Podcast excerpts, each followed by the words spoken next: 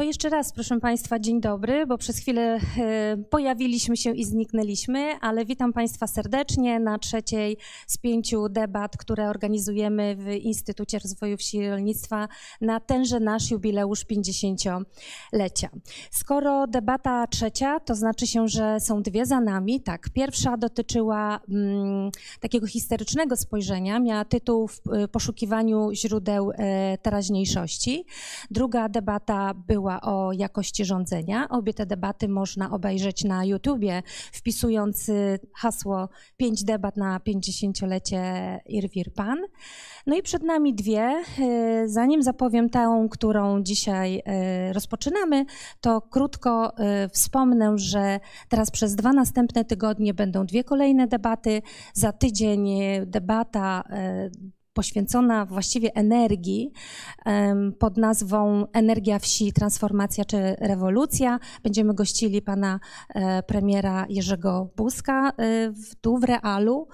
E, poprowadzi debatę pan Edwin Bendyk, a za dwa tygodnie debata dotycząca wizji polskiej wsi do 2044 roku i mamy również do potwierdzenia, ale wybiera się do nas pan komisarz Janusz Wojciechowski. Oprócz oczywiście tych gości będą również inni goście. Ale wróćmy do tego, co jest dzisiejszym e, tematem, e, tematem debaty. Debata, debata pod hasłem, pod tytułem Wspólna polityka rolna 2030. Co dalej z polską, z polską wsią? Proszę Państwa, kiedy y, organizowaliśmy te debaty y, właściwie rok temu, w najśmielszych oczekiwaniach nie przyszło nam do głowy, że tematy, które y, wybieraliśmy, a nie było to łatwe zadanie, będą tak ważne i tak aktualne dziś, nie tylko dla polskiej wsi, dla polskiej gospodarki, dla polskiego społeczeństwa, nie tylko dla społeczeństwa mieszkającego na, na obszarach wiejskich. Rok temu, proszę Państwa, byliśmy już w momencie, kiedy to organizowaliśmy, gdzie pracowaliśmy wspólnie z naszymi partnerami nad egzante planu strategicznego e, dla WPR-u, a więc znaliśmy już e, instrumenty, jakie będą. No oczywiście zasady Europejskiego Zielonego Ładu. Wiedzieliśmy również, że e, czekamy na Krajowy Plan Odbudowy, z którym powiązanych jest bardzo wiele, powiązanych było bardzo wiele nadziei. Mówię było, ale oczywiście mam ciągle tą nadzieję, że ten, y, że Wielki Fundusz na odbudowę pokowidowej rzeczywistości również do Polski trafi. Tak więc proszę Państwa, y, do tych różnych wyzwań, jakie były w zeszłym roku przez nas y, zdiagnozowane i do nich dobieraliśmy te tematy, doszło jeszcze jedno. Doszła jeszcze jedna zmienna, mianowicie wojna. I ta właśnie agresja i właściwie wyzwania związane z agresją Rosji na Ukrainę, wzrost cen paliw, wzrost cen środków produkcji e, dla rolnictwa i w związku z tym również wzrost cen e, żywności ograniczenie, e, ograniczenie eksportu surowców i produktów rolnych przez Ukrainę grożące kryzysem żywnościowym. To są nowe elementy, nowe elementy, które, pozwa, które właściwie mm, przekładają się na, na, na e, konieczność e, zadania sobie ponownie pytania, na ile pierwotne założenia Europejskiego Zielonego Ładu są możliwe do wdrożenia po 2023 roku.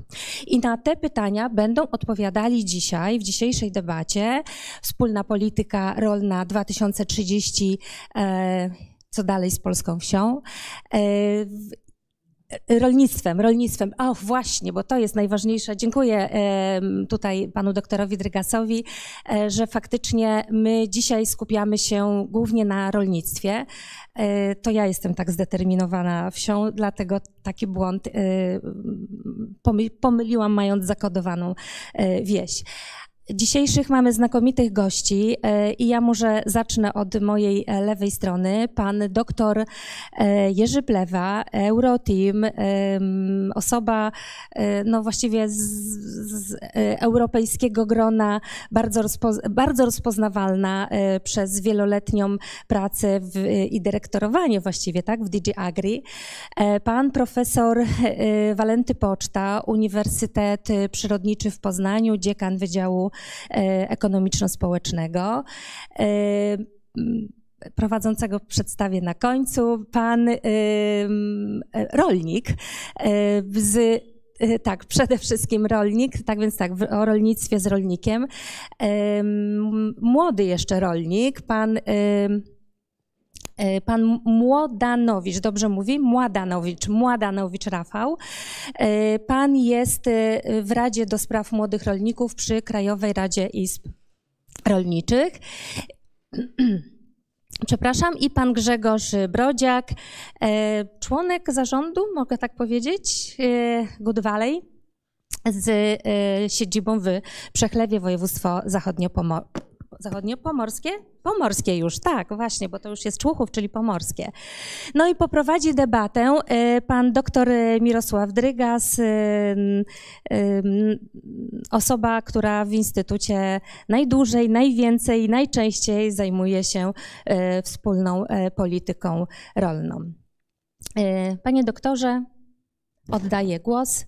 E, oddaję również drugi mikrofon, a Państwa zapraszam do, e, do wysłuchania, a później do, do dyskusji i zabrania głosu. Proszę bardzo. Dziękuję bardzo Pani Profesor. Ja, żeby nie przedłużać, zacznę w zasadzie od początku, od pytania naszych miłych gości i zacznę od rolników, ale nie mogę się pozbawić chęci poinformowania o jednej ważnej rzeczy, która miała miejsce w piątek. Otóż e, Komisja Europejska opublikowała projekt rozporządzenia związany właśnie z tym, co się dzieje, co jest skutkiem e, trwającej wojny, agresji Rosji na Ukrainę, czyli e, dotyczącego gwałtownego wzrostu cen, inflacji. I Komisja Europejska przygotowała projekt, który będzie musiał być uzgodniony w którym zawiera się propozycje instrumentarium wspierającego rolników, e, tych, którzy ponieśli największe skutki, czy ucierpieli z tego tytułu, innymi słowy, zwyżki cen, że e, proponuje komisja, żeby kraje członkowskie zgodziły się na wprowadzenie tymczasowego funduszu takiego pokrywającego straty, który będzie się składał ze środków, które są już zapisane w ramach planu rozwoju obszarów wiejskich na 2014-2020, ale przedłużonego o dwa lata. I z tych alokacji przeznaczonych na drugi filar WPR-u Komisja proponuje 5% środków y, z budżetu unijnego przeznaczyć na te cele.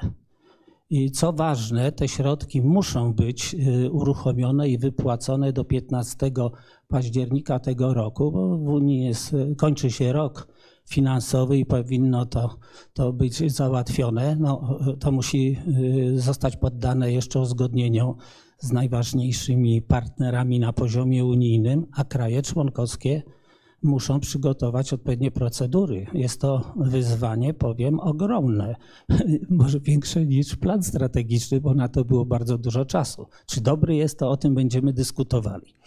Ja chciałbym zacząć dyskusję i jako pierwszego zapytać yy, młodego rolnika. Pan, jest, y, pan Ładenowicz jest szefem Rady Młodych Rolników Krajowej Radzie Izb Rolniczych, ale to samo pytanie skieruję do pana Grzegorza Brodziaka. Czy mniej więcej to brzmi tak, czy w tych aktualnych warunkach, jakie, jakie dotykają rolnictwo, zagrożenie, zagrożenie kryzysem żywnościowym właściwie w skali globalnej, ten kształt WPR-u, jaki był, jest uzgadniany, nie jest jeszcze do końca uzgodniony w sensie planów strategicznych, no zapewnia rolnikom y, możliwość przetrwania ciężkich czasów. Miejmy nadzieję, że to będzie trwało krótko, ale co panowie na, to są, y, na ten temat sądzą? Tak do 4-5 minut wypowiedzi poproszę obu panów. Dziękuję bardzo. E, dzień dobry, e, dziękuję za zaproszenie.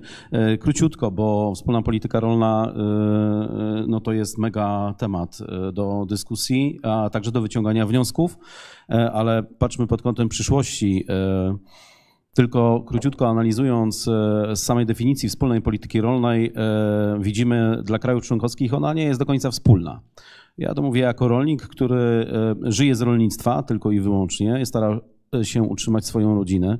Nie jest to gospodarstwo małe, a podam też e, jako przykład, że w Polsce bardzo często dochodzi do łamania konstytucji e, pod kątem określania wielkości gospodarstwa e, lub dyskryminowanie gospodarstw rodzinnych, bo bardzo często w rozporządzeniach i w ustawach pojawiają się gospodarstwa mm, niezgodnie z konstytucją i z określeniem gospodarstwa rodzinnego, czyli gospodarstwa do 300 hektarów, a gospodarstwa małe są bardzo często faworyzowane.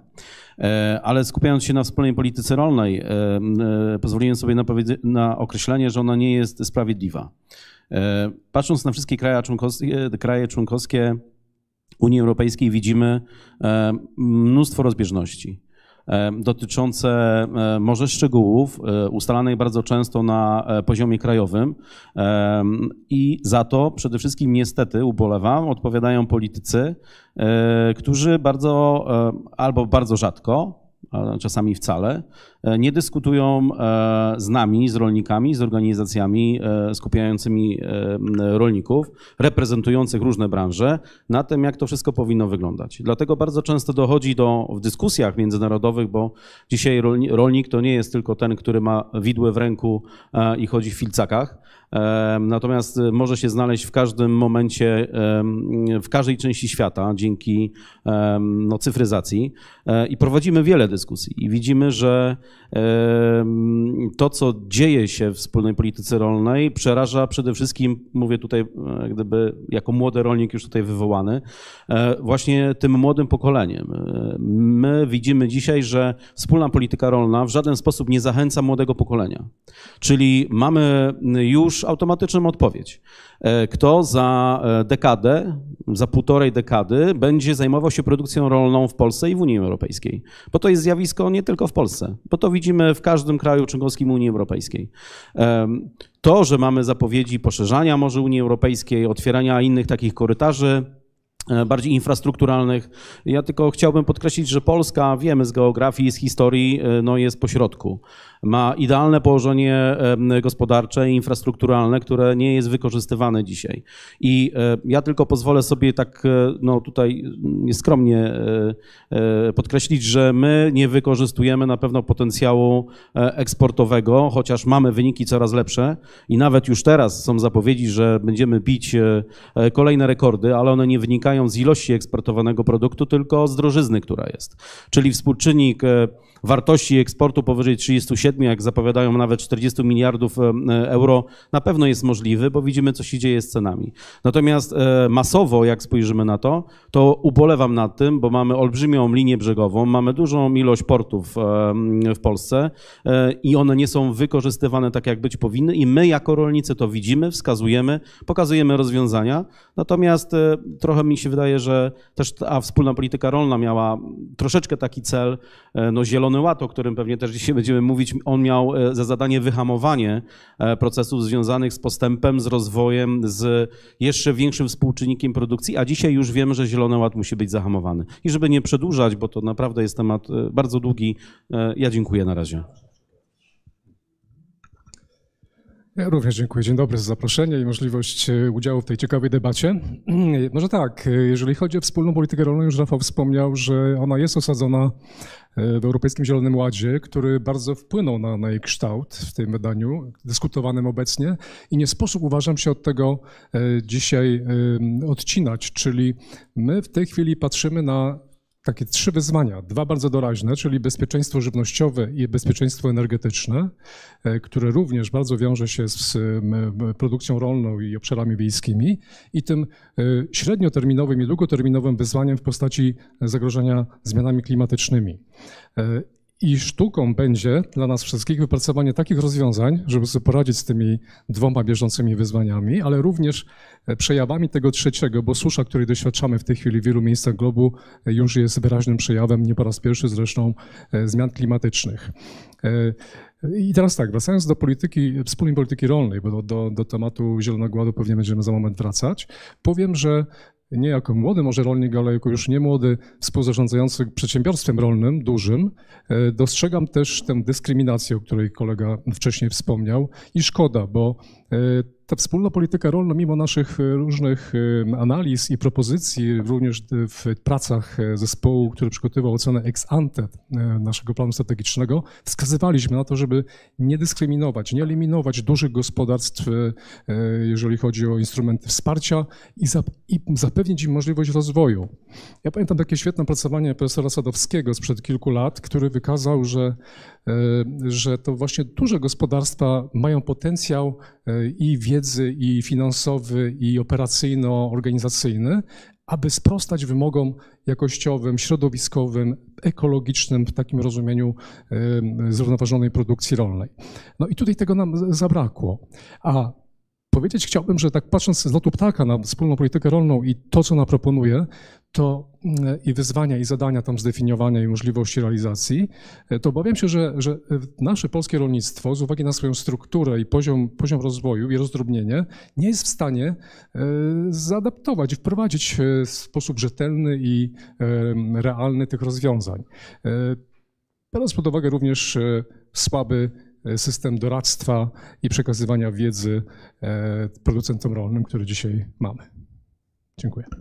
Dziękuję bardzo. Teraz będę chciał spytać pana profesora Pocztę, jak w tym kontekście się zapatruje na ewentualne skutki, jakie mogą y, przynieść takie rozwiązania, jakie na dzisiaj są, czyli taki plan strategiczny, jaki jest y, w zatwierdzaniu w Komisji Europejskiej, choć już muszę powiedzieć też, że na poziomie Parlamentu Europejskiego silne głosy się odzywają dotyczące, dotyczące pewnych zmian, zmian jak gdyby e, rytmu wdrażania tego Zielonego Ładu.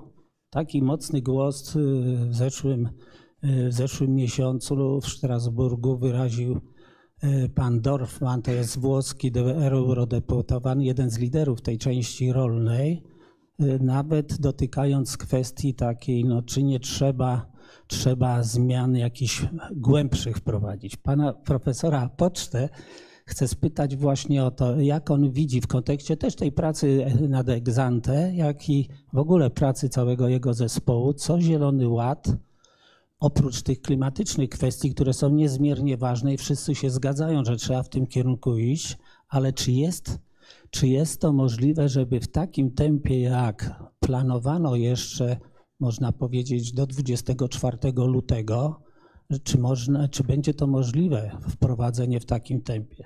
Szczególnie chodzi mi o pierwszy filar, ekoschematy, przeciwko którym nic nie mam, ale jest to zupełne nowum i mało kto chyba kojarzy, nawet może i na tej sali, że to będzie trzeba rozliczać w skali roku. Ale o tym, czy rolnicy są przygotowani, czy nie, to w drugim kółku będziemy mówili. Proszę, panie profesorze. Dziękuję. Dzień dobry. Ja również dziękuję za zaproszenie. Więc może na początek takie wyjaśnienie. E, mianowicie Europejski Zielony Ład jako taki sam nie jest prawem. Europejski Zielony Ład jest jakąś ideą i zawarte w nim wskazania mogą być czy powinny być wpisywane e, w akty prawne albo coś, co jest podstawą tworzenia aktów prawnych, jak na przykład plan strategiczny wspólnej polityki rolnej. I e, w tej chwili oczywiście, czy, czy cały czas podczas prac nad planem strategicznym i dalej ta dyskusja trwa, ile elementów i w jakim zakresie Europejskiego Zielonego Ładu ma być wpisane. E, z tym Zielonym Ładem to trochę jest tak, że e, być może zabrakło y, w momencie jego ogłoszenia bardziej szczegółowych analiz. Niektóre y, skutki jego wdrożenia nie do końca były znane, ale kilka takich opracowań powstało. O dziwo chyba pierwsze opracowanie takie dosyć szczegółowe powstało Departamentu Rolnictwa Stanów Zjednoczonych. Potem uniwersytety y, Wageningen i Kiloni opracowały i również jest takie jedno kompleksowe w miarę opracowanie, które powstało w Polsce przy współudziale dzisiejsze organizatora dzisiejszej debaty, czyli Instytutu Rozwoju Wsi i Rolnictwa e, Polskiej Akademii Nauk, Instytutu Uprawy Nawożenia i Gleboznawstwa w Puławach oraz e, mojego uniwersytetu, Uniwersytetu Przyrodniczego w Poznaniu, Wydziału Ekonomicznego tego uniwersytetu. E, to opracowanie jest dużym, solidnym opracowaniem opartym na szeregu analizach jest ono dostępne powszechnie, bowiem prowadzącą instytucją przygotowującą y, to opracowanie była Polityka Insight i jest dostępne na stronach Polityki Insight. Przeprowadziliśmy analizy scenariuszowe polegające na tym, że Europejski Zielony Ład by nie był wdrażany w ogóle, byłaby kontynuacja dotychczasowych zasad wspólnej polityki rolnej, byłoby jego częściowe wdrożenie i też byłoby wdrożenie pełne, całkowite, czyli to znaczne obniżenie e, stosowania chemicznych środków e, produkcji w rolnictwie, czyli nawozów, środków ochrony roślin, ale także i znaczny wzrost powierzchni rolnictwa ekologicznego. I teraz jedno zastrzeżenie. Celem naszego raportu nie jest przeciwstawianie idei Zielonego Ładu, nie jest przeciwstawianie się zrównoważeniu rolnictwa. Jest to element po pierwsze analityczny, informacyjny, ostrzegawczy, ale także wskazujący, co należy uczynić, by wyzyskać pozytywne skutki, które zrównoważenie nieść może, ale jednocześnie, by można było utrzymać dotychczasową produkcję, czy nawet Yy, zapewnić możliwość jej wzrostu.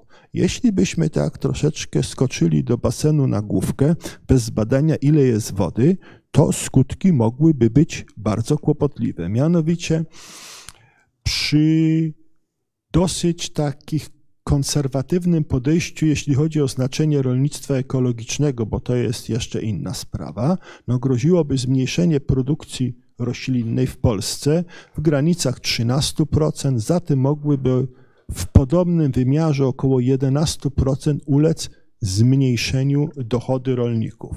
Tak jak powiadam, założyliśmy dość niewielki udział rolnictwa ekologicznego na gruntach ornych, niejako wypychając je w stronę użytków zielonych. Zresztą tak jest i w innych krajach europejskich też, bo na przykład przywoływana bardzo często Austria, gdzie to 25% stanowią użytki zielone, są to głównie pastwiska alpejskie. W ogóle to jest tak, że w skali świata około 2 trzecie rolnictwa, e, rolnictwo ekologiczne w dwóch trzecich skali świata jest oparte o użytki zielone, w Unii Europejskiej prawie 60%. Natomiast, y, czyli wprowadzenie w Polsce równo rolnictwa ekologicznego, czyli na, y, do upraw także ty, tych intensywnych, no spowodowałoby większy niż wskazywaliśmy spadek produkcji. I teraz tak. Z naszych analiz wynika, że pogorszenie konkurencyjności najmocniej uderzyłoby w gospodarstwa mniejsze, słabe ekonomicznie, łącznie z groźbą wypchnięcia tych podmiotów z rynku albo do pogłębienia nieplanowanej, nieracjonalnej ekstensyfikacji produkcji rolnej, czyli takiej ekstensyfikacji, która jest robiona z przymusu i do dalszego pogłębienia spadku bioróżnorodności. Już w tej chwili w gospodarstwach mniejszych jest wyraźnie niższa bioróżnorodność niż w tych gospodarstwach większych. Gospodarstwa małe to jest około 75% zboża w strukturze zasiewów, bardzo niskie obsady zwierząt. Często jest to również yy, taka szara dzierżawa polegająca na tym, że ziemia z tego gospodarstwa trafia do gospodarstwa większego, a to większe gospodarstwo na całości na przykład wysiewa kukurydzę, tak? I sieje ją nieraz bez specjalnego zmianowania przez kilka lat i ta bioróżnorodność jest niezwykle niska. Tutaj myślę wiele byłby w stanie powiedzieć pan prezes Brodziak. Mamy inne przykłady. Też realizujemy razem z Instytutem Rozwoju Wsi i Rolnictwa taki projekt dotyczący biologizacji rolnictwa regeneracyjnego realizujemy, czyli y, Instytut Rozwoju Wsi i Rolnictwa i Uniwersytet Przyrolniczy w Poznaniu, Wydział Ekonomiczny dotyczący praktyki wdrażania y, rolnictwa regeneracyjnego w jednej z bardzo dużych firm, gdzie jest cały ten szereg przedsięwzięć podejmowanych i w zasadzie jest to rolnictwo zeroemisyjne już w tej chwili. Pewno to samo potwierdzi za chwilę, bo wiem, że takie certyfikaty w firmie Good Valley są już od dawna dotyczące zeroemisyjności. E, także wiele innych dobrych gospodarstw rolnych niejako to, czego oczekuje, czego wymaga Zielony Ład, już realizuje. Natomiast no, struktura rolnictwa w Polsce e, jest jaka jest i te zmiany są dosyć bezwładne, one zachodzą dosyć powoli. Wymagania środowiskowo-klimatyczne to większe wymogi technologiczne. Z tym się, co już mówiłem, wiąże większa siła ekonomiczna gospodarstw. To oczywiście może zależeć nie tylko od wielkości obszarowej, ale także od wielkości ekonomicznej, ale akurat w Polsce tak się składa, że skorelowanie wielkości obszarowej z wielkością ekonomiczną to jest 99%, jeśli by wskaźnik korelacji wyliczyć. Problem jest taki, że małe gospodarstwa zazwyczaj nie posiadają wystarczających zasobów kapitału wiedzy. Często ci właściciele pracują poza rolnictwem, stąd imperatyw dbałości o glebę, o zrównoważone praktyki rolnicze jest tam słabszy. I to, co już tutaj były przywoływane badania prowadzone w Instytucie Ekonomiki Rolnictwa i Gospodarki Żywnościowej, także y, kolegi Sadowskiego y, na moim wydziale, pokazują, że największą przyjazność dla środowiska cechują się duże gospodarstwa rodzinne plus olbrzymi postęp w tym zakresie, wykorzystując naprawdę najwyższej jakości technologię. Rolnictwo, y, technikę cyfrową uczyniły gospodarstwa bardzo duże. Gospodarstwa bardzo duże, które mają kapitał y, intelektualny, kapitał finansowy, by sobie z tym poradzić. Dziękuję. Jeśli będzie możliwość, to jeszcze do tego tematu bym wrócił. Dziękuję bardzo. Ja chciałbym jeszcze jedną rzecz podkreślić. Pan profesor nie wymienił jeszcze jednej takiej oceny y, y, skutków, ewentualnych skutków y, Zielonego Ładu przeprowadzonej przez JRC, czyli Ośrodek Badawczy Komisji Europejskiej. Oni mieli gotowy ten raport w zeszłym roku w styczniu, natomiast był na poziomie komisji blokowany do, przed upublicznieniem i dopiero, dopiero na przełomie lipca i sierpnia ubiegłego roku został opublikowany.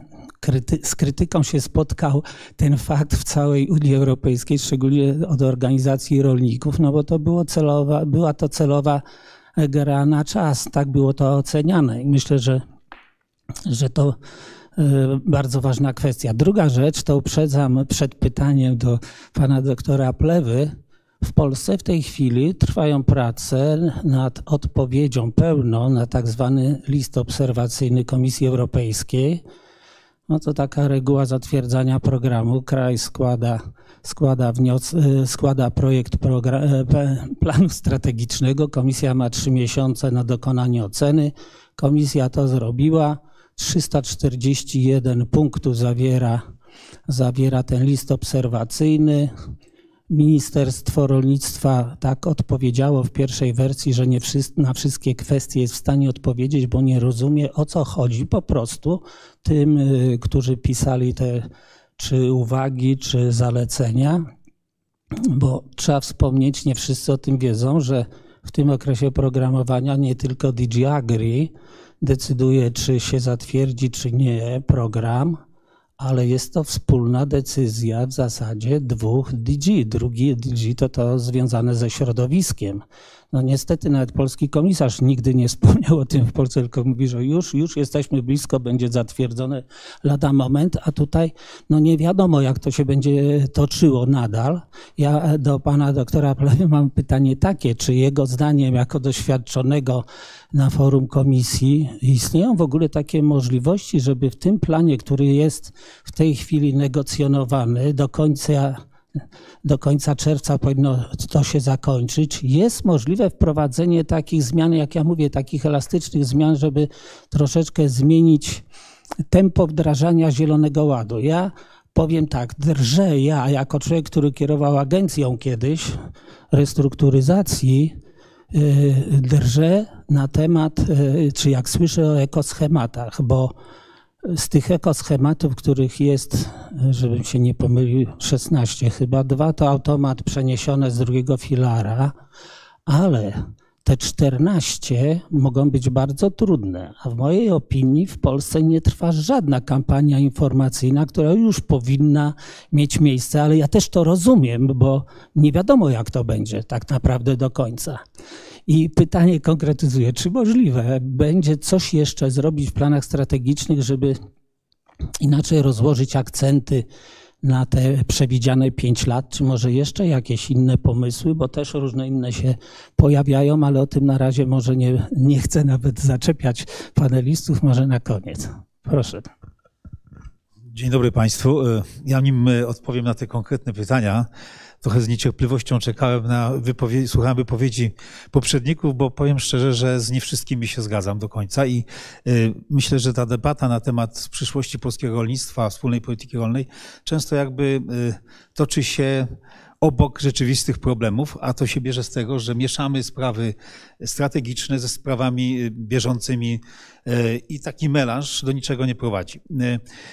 Mamy tytuł e, WPR 2023, co sugeruje, że będziemy mówić o Zielonym Ładzie, bo on, jego horyzont czasowy jest 2023, a później mamy, e, co dalej z polskim rolnictwem. No i mamy od e, ubiegłego roku czwartą wersję planu strategicznego. My Zdziwiłem się, że pan profesor wrócił, przepraszam, do tego, e, do oceny e, Zielonego Ładu, e, jeśli chodzi o te raporty, bo widzimy, że to, co jest w planach strategicznych, nie tylko Polski, ma się bardzo słabo do tego, co jest wymagane w Unii Europejskiej. Przykład. 25% rolnictwo ekologiczne to jest cel, prawda?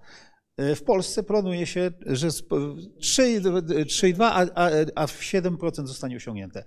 Wszystkie te analizy, ja się z tym zgadzam, wiem, pan profesor ma wielką wiedzę, są e, zrobione w oparciu o założenia Zielonego Ładu. I w Polsce to, co się wydarzyło, moim zdaniem, to było po prostu bardzo dużo propagandy negatywnej na temat Zielonego Ładu. I rolnicy, właściwie no, młody rolnik jest przeciwny niektórym e, sprawom związanym z Zielonym Ładem. Mówi o dyskryminacji rolników małych. No proszę Państwa, mieszamy również e, to, co jest decydowane na poziomie unijnym i na poziomie krajowym. To, co się wydarzyło, jeśli chodzi o reformę, to trzeba powiedzieć jasno. Pierwsza rzecz to są te cele strategiczne i zmiana e, sposobu e, wdrażania reformy, mianowicie osiąganie celów. Stąd te plany strategiczne. Druga rzecz, więcej e, niezależności, więcej odpowiedzialności państwom członkowskim jest dane. One mogą je kształtować, dobierać do własnych celów. No i to, tu właśnie panowie to podjęli. Nie mówiąc, jacy to politycy są za to odpowiedzialni, ale bądźmy bardzo klarowni na ten temat. Y, jeśli chodzi o redystrybucję środków z pierwszego filara, y, to właśnie, że e, decyzja nastąpiła taka, że gospodarstwa do 50 e, hektarów mogą uzyskać, e, właściwie zyskują praktycznie 2 miliardy od gospodarstw większych. To jest e, sposób, mechanizm tego, bo oczywiście dystrybucja jest w Unii wskazywana jako potrzebna, ale można to zrobić na różne sposoby. E, I e, to jest decyzja krajowa, która powinna być, że tak powiem, wykluta na podstawie debaty również wewnętrznej i stanowiska młodych rolników. Ja właśnie uważam to za jeden z najsłabszych e, elementów no, planu, który nawet trudno nazwać do końca planem strategicznym. E, I teraz powiem tak, że właściwie to, co już e, zaczęli panowie mówić, to jeśli byśmy chcieli mówić o konkretach, to powinniśmy się koncentrować na planie strategicznym. Tej debaty w Polsce jest bardzo mało. Ona się pojawia. No, dokument ma 800 stron, ma jeszcze załączniki. I jak zobaczymy, no to on się ma bardzo słabo jest powiązany z Europejskim Zielonym Ładem. I w związku z tym, jeśli nadal mówimy, że oczywiście Zielony Ład, może te, ja znam te analizy wszystkie robione się zgadzam z tym, że tam też był problem, że wypłynął taki wniosek, no, że nie będziemy mogli właściwie się wyżywić, będzie zachwiane bezpieczeństwo żywnościowe, ceny wzrosną, no właściwie same negatywne skutki. USDA i wszystkie raporty to potwierdziły ale on jest pisany bardzo szczegółowo, że to przy określonych założeniach, które e, zostały przyjęte.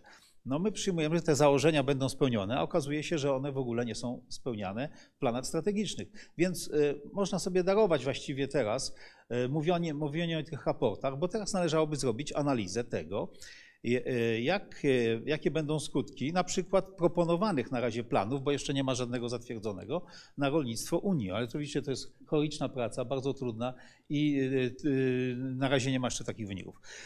Dobrze, to tyle jeśli chodzi tak do, do, do, dotyczącej tej dyskusji, która miała miejsce.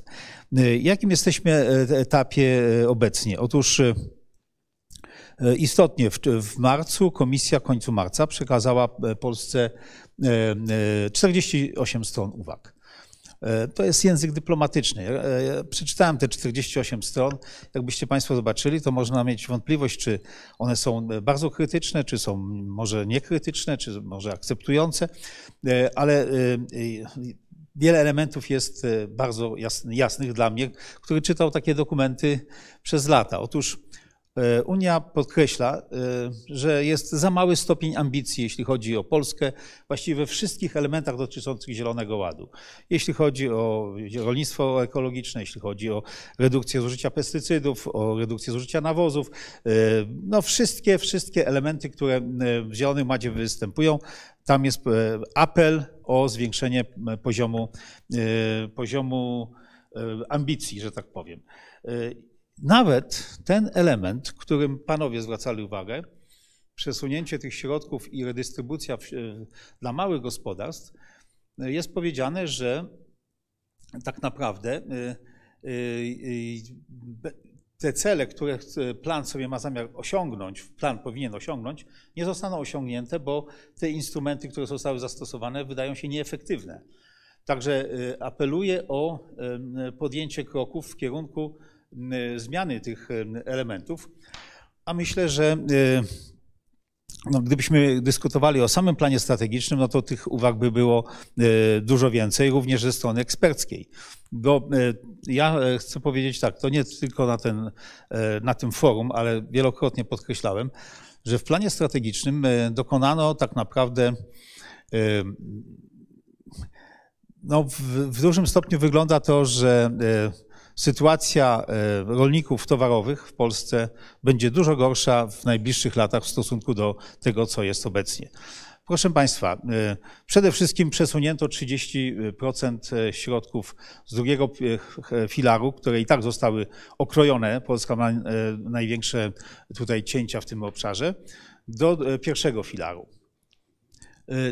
Oczywiście dawniej to było potrzebne, ponieważ płatności były niskie. Teraz co się dzieje, jeśli pierwszym filarem, a drugim zaciera się jakby różnica, bo ekoschematy są w pierwszym filarze, przesuwanie tych środków e, straciło sens, dlatego że e, e, pierwsza rzecz, te dwa miliony przesunięte blisko z drugiego filaru do pierwszego powoduje, że 25% na ekoschematy, zgadzam się, że to jest nowy instrument i jak on będzie wdrażany jeszcze nie wszyscy wiedzą, jest wyższy, liczone od wyższego poziomu i to jest 4,3 miliarda euro na ekoschematy.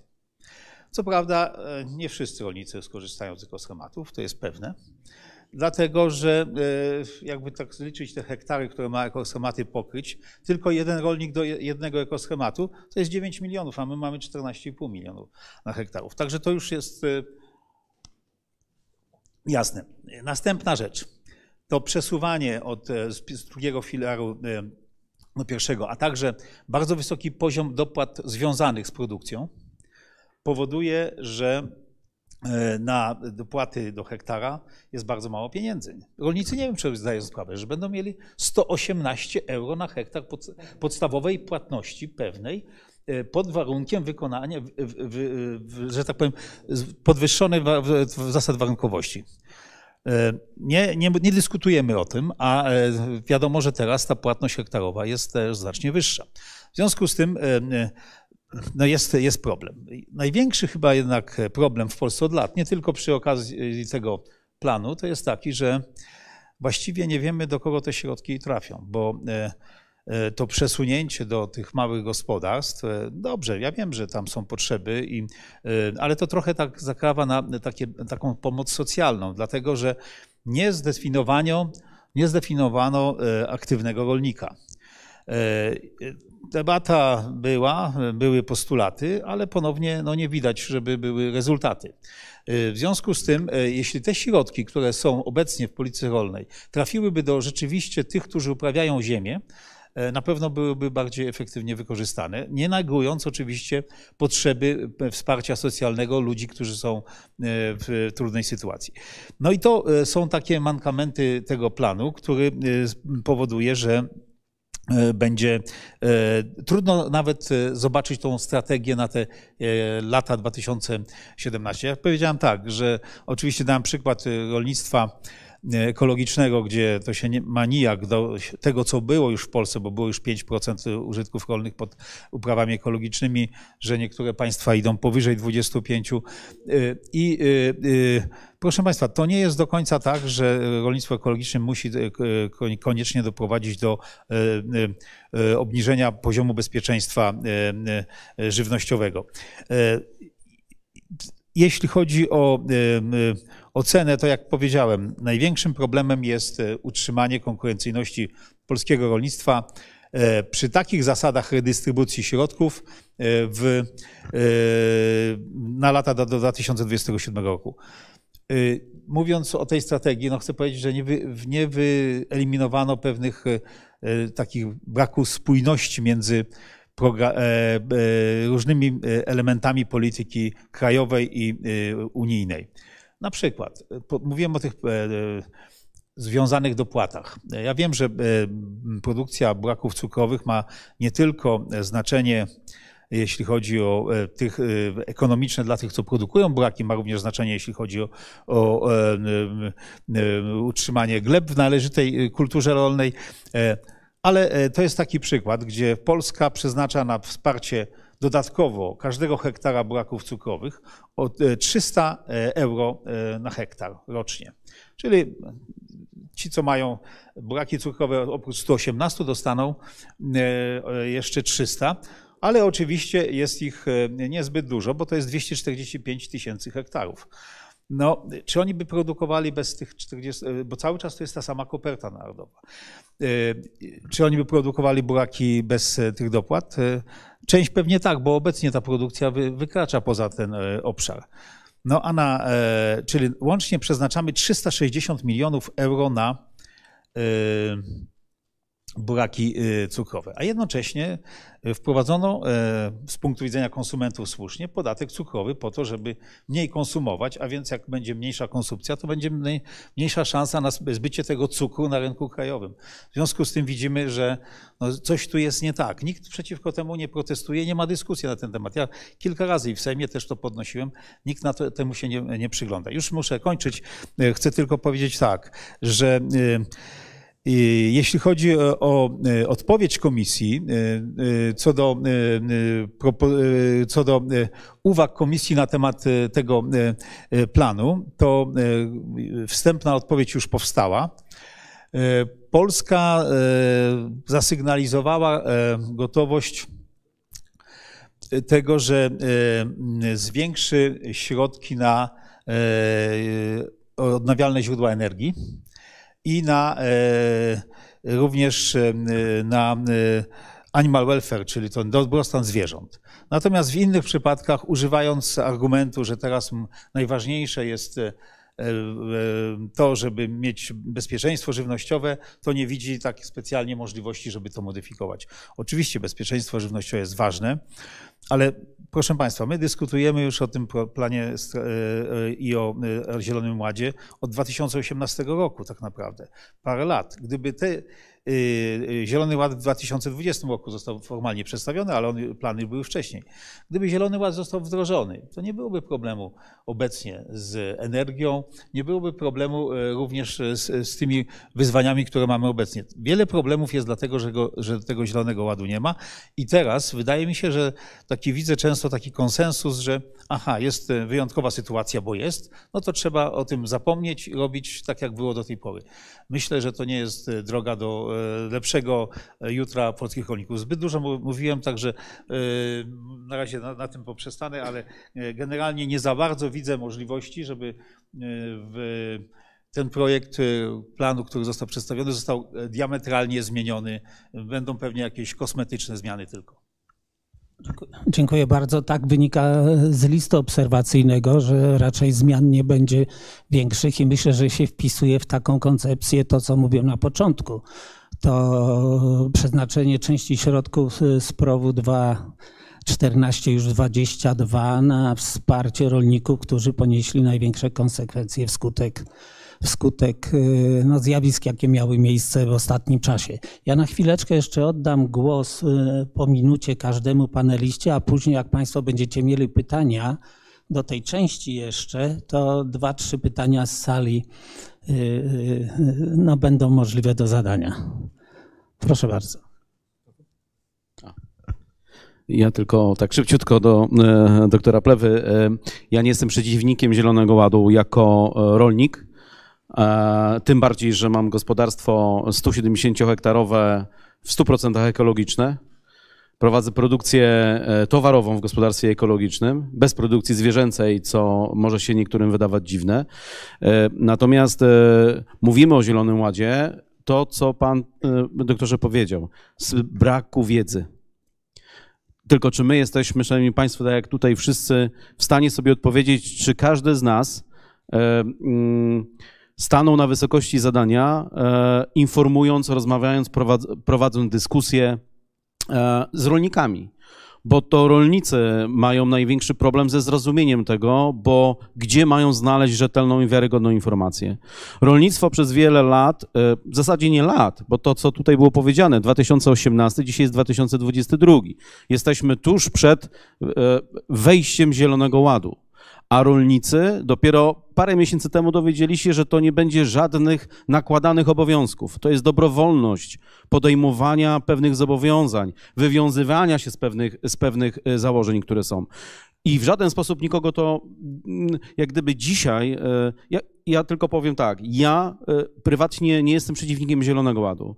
Natomiast mając na uwadze dobro większości, która jest zdezinformowana naprawdę na poziomie masakrycznym, e, musimy otworzyć, bo debata e, taka ekspercka, w takim tutaj gronie i, i, i tych, którzy są przed odbiornikami, e, super żona jest ale faktycznie do kogo ona trafia? Czy tam są pracownicy ośrodków doradztwa rolniczego? Czy tam są przedstawiciele departamentów, e, ludzie, którzy odpowiadają na szczeblu administracyjnym, gminy, powiatu, województwa za e, sektory rolne? Czy oni tam są? Czy oni też nas, nas oglądają? Taka troszeczkę e, no, zły, zły wniosek, który znowuż nam pokazuje, że brak rozmowy, brak otwartych dyskusji no, powoduje takie nasze trochę opóźnienie ewolucyjne. Dziękuję. Panie doktorze, pan dotknął plus sprawy, czyli tego, że kwestia dyskusji na temat kształtu tej wspólnej polityki rolnej, e, czy wydaniu polskim, powinno tu się toczyć w Polsce. To tutaj powinniśmy podjąć decyzję i tu zabrakło tych, e, tych debat i, i jak na razie konkluzji, które byłyby rzeczywiście możliwe do, do, wprowadzenia. Wiemy, że Unia wielokrotnie e, wyrażała i parlament potwierdzał kilka razy opinię, że przecież ścieżka dojścia do, do tych celów będzie indywidualna dla każdego kraju, zgodnie z tym, co dany kraj potrafi i chce chce zrobić to jest bardzo dobre, co zresztą potwierdził Parlament Europejski w swojej rezolucji bodajże z 3 maja, kiedy to nie przyjął e, tego sztywnego celu zwiększenia upraw ekologicznych do 25%, mówiąc, że owszem, jest całym sercem za, natomiast to powinno wynikać z faktycznego zapotrzebowania rynku, co mi, mi się bardzo podoba, bo wiem, jak jest rynek e, na, na, na tego typu produkty i być powiązany z, z realiami. Więc to, to podejście e, takiego sobie życzymy. I teraz tak, małą tezę postawię odważną, można realizować te ambitne cele Zielonego Ładu w sposób, który nawet zapewni opłacalność, tylko to wymaga czasu. Przywołany zostałem z, z, naszym, z naszym śladem węglowym obniżonym, ale biogazownię budujemy od roku 2005 i potrzebowaliśmy kilku ładnych lat, żeby się nauczyć tego, e, tej operacji i sprawić, że to zaczęło być opłacalne. Podobnie z uprawą bezorkową, która jest ważnym elementem e, obniżania emisji gazów cieplarnianych, którą zaczęliśmy w roku 2003 i metodą prób i błędów dzisiaj dochodzimy do wniosków, że przy niższych kosztach utrzymujemy podobne plony. I tak dalej, i tak dalej. To wymaga czasu. I na koniec, tak, Zielony Ład, koniecznie, bo tak może trochę brutalnie parafrazując, możemy powiedzieć, czy wolimy przymierać głodem za dwa lata z powodu tych bieżących wyzwań, czy też no, już umierać może z głodu za 15-20 lat, kiedy nie będzie już gdzie uprawić, e, nie będzie czego już zbierać. Dziękuję. Dziękuję. E, może w nawiązaniu do wypowiedzi pana dyrektora Plewy dwa, e, dwie kwestie wyjaśnień. Otóż e, to nie jest tak, że w tej analizie, którą przygotowywaliśmy, Europejski Zielony Ład i jego skutki, a plan strategiczny, e, nie uwzględnialiśmy różnych poziomów jego wdrożenia. Scenariusz drugi, o którym mówiłem, jest mniej więcej zorientowany na ten poziom właśnie wprowadzenia Europejskiego Zielonego Ładu, który jest zawarty w planie strategicznym. Jego skutek jest, nie jest duży. E, spadek produkcji byłby około 3%, aczkolwiek uważamy, że jest za duży. Jeszcze raz powrócę do tego, co powiedziałem. Wydźwięk, i tak proszę rozumieć nasze opracowanie, nie jest przeciwko Europejskiemu Zielonemu Ładowi, a jest wskazaniem, co trzeba robić w planie strategicznym, we wspólnej polityce rolnej i nie tylko we wspólnej polityce rolnej, by te elementy wdrożyć konflikt y, za naszą wschodnią granicą, agresja rosyjska y, w Ukrainie, tym bardziej to pokazała, że po pierwsze bardzo ważne jest bezpieczeństwo żywnościowe, czyli nie można zmniejszać produkcji żywności, ale po drugie trzeba wdrażać technologie nakłady oszczędne, w tym energooszczędne. Europejs, wdrażanie Europejskiego Zielonego Ładu, mniejsze zużycie nawozów przy tej samej wielkości produkcji wprost do tego prowadzi. I druga rzecz, panie dyrektorze, to już tutaj szczególnie dla publiczności chcę, żeby ta informacja dotarła. To nie jest tak, że ileś tych kwestii, które pan wymienił podczas dyskusji nad planem strategicznym nie było podnoszonych. E, są była przeprowadzana ocena ex ante w składzie, też właśnie tutaj jest paru przedstawicieli, którzy ją robiło. Robił, był Instytut Rozwoju Wsi Rolnictwa Polskiej Akademii Nauk, y, Jung w Puławach, robiła moja jednostka, czyli Wydział Ekonomiczny Uniwersytetu Przyrodniczego, firma y, zajmująca się zawodową ewaluacją Ecorys. I między innymi powstało tam mnóstwo, szereg opracowań, w sumie setki stron, ale rekomendacje, które zawarliśmy, wiszą na stronie Ministerstwa Rolnictwa. Można je przeczytać. E, tu pan prezes Brodziak brał też aktywny udział, bo e, korzystaliśmy także z uwag praktyków Izby Rolnicze. Tam jest informacja, że zła jest definicja aktywnego rolnika ze wskazaniem, jak należy ją zmienić. Wskazujemy, że płatności redystrybucyjne za daleko e, poszło z ich redystrybucja. Jest krytyka płatności związanych, łącznie z tym nieszczęsnym cukrem, ze wskazaniem, że są e, e, sprzeczności w polityce rolnej, w polityce zdrowotnej, w polityce fiskalnej, że to wszystko razem nie pasuje jest, e, wywołuje konflikt. Jest również bardzo jedno istotne wskazanie, ale nie zostało podjęte mianowicie nasza krytyka dotychczasowej płatności ONW. To jest niezwykle ważne w kontekście właśnie Europejskiego Zielonego Ładu i niższego zużycia nawozów mineralnych. W Polsce dwie trzecie, ponad 10 milionów hektarów są to gleby kwaśne i bardzo kwaśne. Absor skuteczność wchłaniania nawozów mineralnych pobierania przez rośliny na takich glebach jest niski. Skutek jest taka, że znaczna część, a w wielu przypadkach większość azotu, fosforu, potasu płynie sobie do rzeczek, rzeczkami do Bałtyku. Proponujemy jedną rzecz, zresztą nie nową. Razem z z płatnością ONW wprowadzić obowiązek badania gleby. Tak, jest ta płatność, jeśli zostanie zbadana gleba i jeśli jest informacja, że jest gleba kwaśna, to płatność jest uwarunkowana przeprowadzeniem wapnowania. Nie ma żadnej możliwości. Był opór taki jak obrona Częstochowy.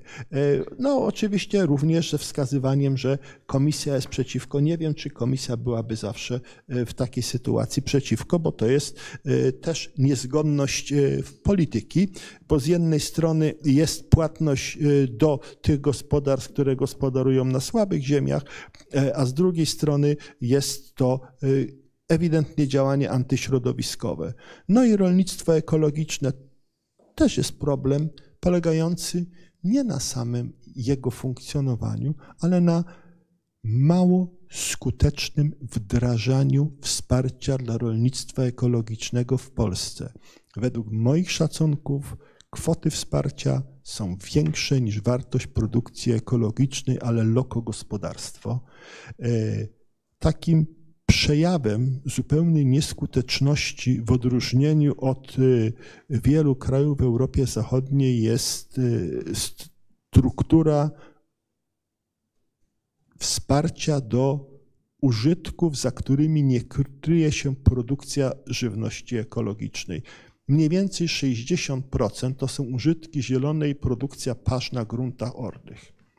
Tylko, że w Polsce nie ma w zasadzie produkcji zwierzęcej ekologicznej. To jest margines marginesów. To nie są wielkości kilkanaście czy kilkadziesiąt razy mniejsze niż w krajach Europy Zachodniej. To są wielkości kilka tysięcy razy mniejsze. Zatem tak, trafia, produkcji, trafia dotacja do produkcji pasz, na przykład na użytkach zielonych, tak, produkcji ekologicznej, z których jest produkowane biopaliwo to nie jest ten kierunek wsparcia. I na to też zwracaliśmy uwagę. Oczywiście jakiś tam drobny postęp udało się uzyskać, ale on jest tak niewielki, że nie wierzę w to specjalnie, że dalsze wspieranie rolnictwa ekologicznego w Polsce w ten sposób, jak ma miejsce dotychczas, będzie sprzyjało jego rozwojowi. A przecież to wsparcie powinno doprowadzić do tego, byłby, by rolnictwo ekologiczne stało się pełnoprawnym uczestnikiem rynku, a nie sposobem na kolejne na, a nie sposobem na kolejne dotacje, na kolejne subwencje, bez związku z produkcją żywności ekologicznej. Dziękuję bardzo, proszę. Tylko, tylko dwa słowa. E, ja chcę tylko wyjaśnić, dlaczego ten kij w mrowisko włożyłem, e, e, ale wydaje, wydaje mi się, że Państwo wiecie, że ja się nie różnię tutaj z Panem Profesorem, ani również i z Panami, jeśli chodzi o ocenę podejścia do tych spraw w Polsce. Mnie zależało na tym, żeby nie dyskutować już o tych y, raportach USDA i chociażby y, GRC, który został z opóźnieniem pokazany, bo to one dotyczą Zielonego Ładu w formie takiej czystej. Natomiast ja przeglądałem Państwa raport, który jest bardzo obszerny. Nie wiem, czy wielu, nie mogłem przebrnąć przez wszystkie szczegóły, ale również w swoich analizach wykorzystuję i wydaje mi się, że to zostało bardzo solidnie przeprowadzone. Problem jest z tym, jaki jest tego efekt na poziomie politycznym. Politycy tego nie uwzględnili. Ja myślę też, że e, izby rolnicze mogłyby bardziej chyba e, asertywnie jakby przekonywać do, do tego, bo e, tych śladów nie ma. W dokumencie ostatecznym e, właściwie to zniknęło i to jest ten problem, że dyskusja, która powinna być uwzględniona, udział przedstawicieli rolników, całego społeczeństwa, tutaj powinien, zainteresowanych tych osób powinien być uwzględniony, Mówi się, że tak, a tego nie ma. I właśnie z tego biorą się takie sytuacje, że jest dokument strategiczny, gdzie moim zdaniem ta strategia e, niestety nie, e, nie, zbliża nas do osiągnięcia celów, a tak naprawdę to cele powinny być e, osiągnięte, bo to jest nowy. I z tego po pewnym czasie komisja będzie rozliczała kraj, łącznie z tym, że jest możliwość redukcji środków, jeśli cele nie będą osiągane. Ale to oczywiście do tego jest daleka sprawa. Mam nadzieję, że tego nie dojdzie. Niemniej jednak no, środki są bardzo moim zdaniem rozdystrybuowane nie w taki sposób, jakie są potrzeby. Na e, chociażby modernizację rolnictwa, na e, OZE, na cyfryzację, mówił Pan o OZE również. No tutaj e, te środki są naprawdę minimalne przeznaczone. Dziękuję bardzo. Z sali poproszę. Pierwsza pani profesor Halamska. Później Ruta Później doktor Ruta Śpiewak i pan profesor Gorzelak. Zamknięta lista.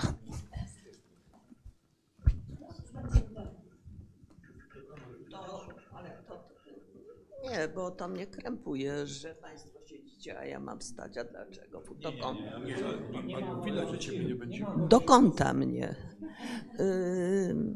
Ja bardzo chciałam podziękować y, panu dyrektorowi Plewie, panu ministrowi za e, ukierunkowanie tej polityki, tej debaty, ponieważ e, wydało mi się w pierwszym tym obrocie, że jest to debata o przymiotniku, a nie jest to o istocie, czyli o polityce.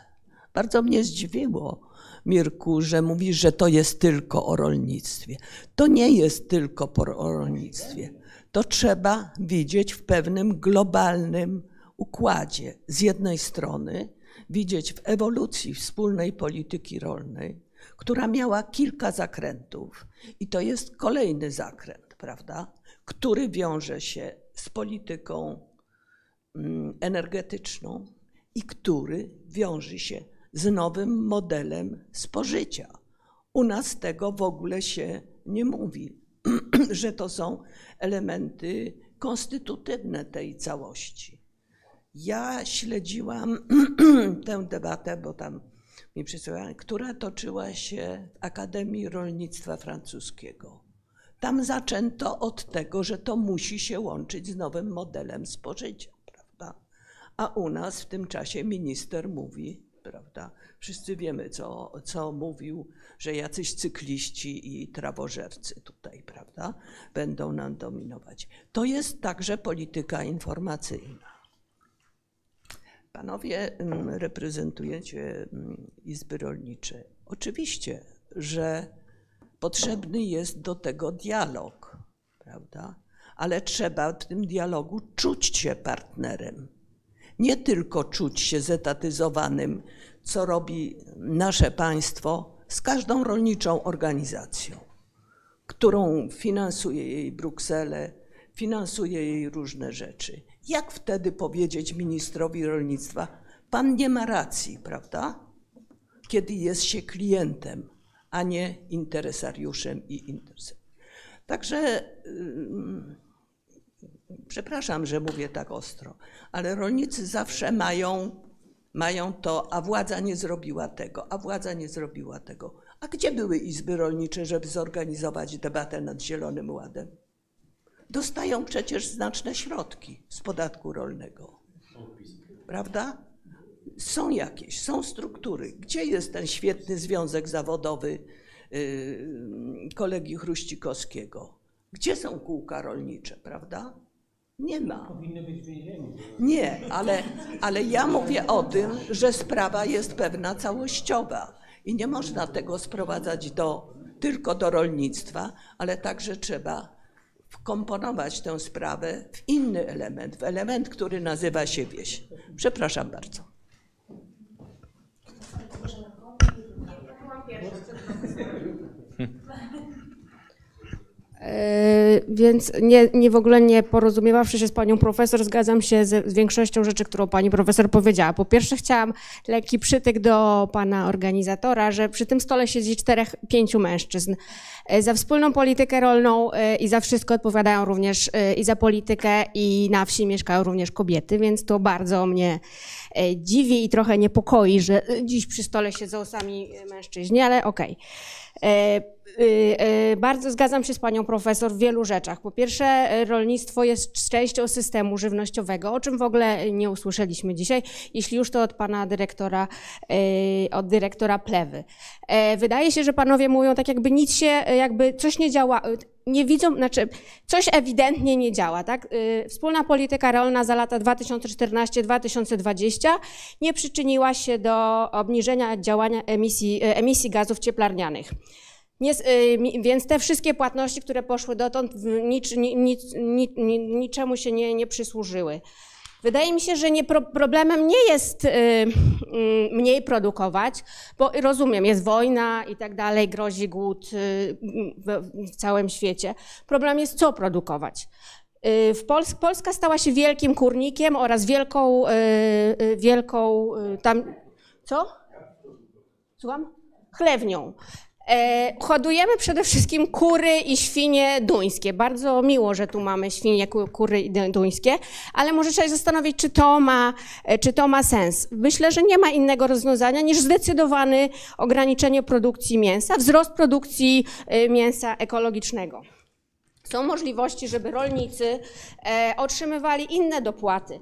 Proszę zwrócić uwagę na pomysł dopłat węglowych, sekwestracji, e, sekwestracji węgla. Wydaje mi się, że panowie jakby zatrzymali się z całym szacunkiem w jakimś takim dosyć konserwatywnym spojrzeniu na świat, nie widząc, że te zmiany trzeba wprowadzić. W sensie to, co pan powiedział, tak, rzeczywiście jest ogromny problem e, klimatyczny i nie możemy czekać z rozwiązaniem jego, aż, aż w ogóle wyschnie woda. Czy panowie byli ostatnio, pan na pewno był na wsi. Ja na przykład byłam wczoraj na wsi. Susza jest dramatyczna, tak, dramatyczna jest po bardzo zimnym kwietniu, po bardzo, y, więc nie powinno być sucho. Jest już w maju mm, sucho. Więc y, wydaje mi się, że to jest problem. Kolejnym problemem, oczywiście mogę ich bardzo dużo wymienić, wiem, że nie mogę teraz y, przyjąć pałeczki, jest, że jedna trzecia żywności jest marnowana, w tym bardzo duża część tej żywności jest marnowana w gospodarstwach. Czemu się o tym nie mówi? Moją tezą jest to, ale Moją tezą jest to, że jakby trzeba się zastanowić nad zmianą struktury produkcji, a nie, mm, a nie do, y, a, bo Państwo zapomnieli, panowie jakby moim zdaniem nie uwzględniają, jednak z wyjątkiem dyrektora Plewy, że kwestie klimatyczne i środowiskowe są kwestiami najważniejszymi, a drugą rzeczą to jest to, o czym powiedziała pani profesor przede mną, że y, produkcja żywności jest częścią całego systemu i dopóki nie zobaczymy tego, nic się nie wydarzy. Dziękuję. Dziękuję bardzo. Przepraszam, jeżeli się momentami e, wydam może nie w pełni doinformowany, bo się tej problematyki dopiero douczam. Grzegorz Gorzelak, nie wszyscy mnie znają. Kiedyś Uniwersytet, jeszcze Uniwersytet Warszawski, niedługo IRWIR. E, mam kilka pytań do panów, dlatego że sądzę, że e, kompleks rolno-spożywczy od producenta po konsumenta jest chyba najbardziej w tej chwili narażony na rozmaitsze szoki krótkoterminowe i długoterminowe. Krótkoterminowe rwanie więzi kooperacyjnych, łańcuchów dostaw, wojna w Ukrainie, ograniczenia produkcji żywności i głód grożący milionom ludzi, którzy z tego korzystali. Szoki długoterminowe to polityka klimatyczna, zagrożenie klimatu, zmiana wzorców spożycia, i chyba, jak tak sobie myślę, to równo czy podobnie silnie narażony kompleks to jest cały układ transportowy. Jak się przemieszczamy, czy się przemieszczamy, za pomocą jakich e, środków transportu. Chyba bez e, telewizora czy komputera, no może można żyć łatwiej, ale zagrożenie tymi szokami w produkcji i spożyciu żywności jest największe. Słusznie panowie mówili o bezpieczeństwie żywnościowym. I teraz mam kilka pytań, na które chętnie bym usłyszał kompetentne odpowiedzi. Po pierwsze, czy wystarczy mówić o samym rolnictwie, to już było mówione. Czyli trzeba mówić o kompleksie rolno-spożywczym i z uwzględnieniem konsumentów. Po drugie, czy jest słuszna teza, to się przewijało już w Panu wystąpieniach, że zmiana technologiczna i e, innowacja e, od produkcji po dystrybucję może być pewnym sposobem na łagodzenie tych szoków. Czy to jest słuszna teza? Jeżeli jest to teza słuszna, to są następujące pytania. Czy polski system tworzenia wiedzy i jej dystrybucji, częściowo to już była odpowiedź, jest do tego wystarczający? Raczej była mowa o tym, że dystrybucja wiedzy jest, pani profesor Halamska o tym mówiła, że jest niewystarczająca. Ale czy Polska tworzenie wiedzy dla potrzeby tego kompleksu rolno-spożywczego plus e, konsumenckiego jest wystarczający? Drugie pytanie, jaka jest rola kapitału zagranicznego, który jak wiemy e, w polskim kompleksie rolno-spożywczym ma bardzo duży udział, w niektórych branżach większych, w niektórych branżach mniejszych. I po trzecie, jaka jest rola e, wspólnej polityki rolnej, jeżeli uznamy, że innowacja i technologia, postęp technologiczny są istotne, jaka jest rola tej polityki w promowaniu tego postępu i potencjału innowacyjnego?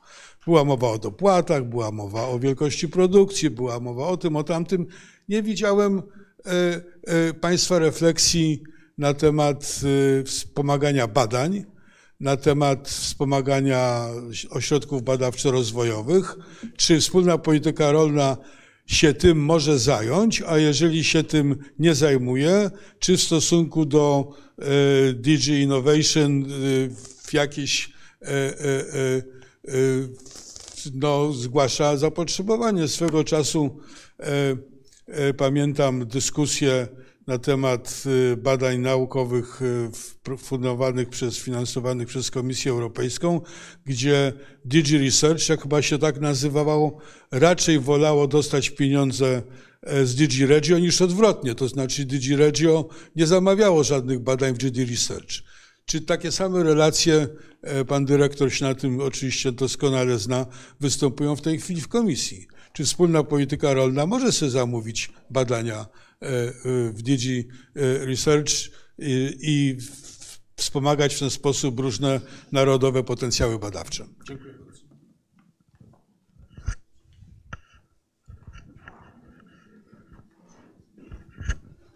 Ja muszę odpowiedzieć pierwszy na kilka pytań, bo część pytań, które tutaj się pojawiły, czy wypowiedzi, może źle zrobiłem, że dopuściłem do tego w tym momencie, bo to, co powiedział pan profesor Gorzelak, to właśnie w drugim obiegu miało być poruszone, bo to nas nurtuje też bardzo.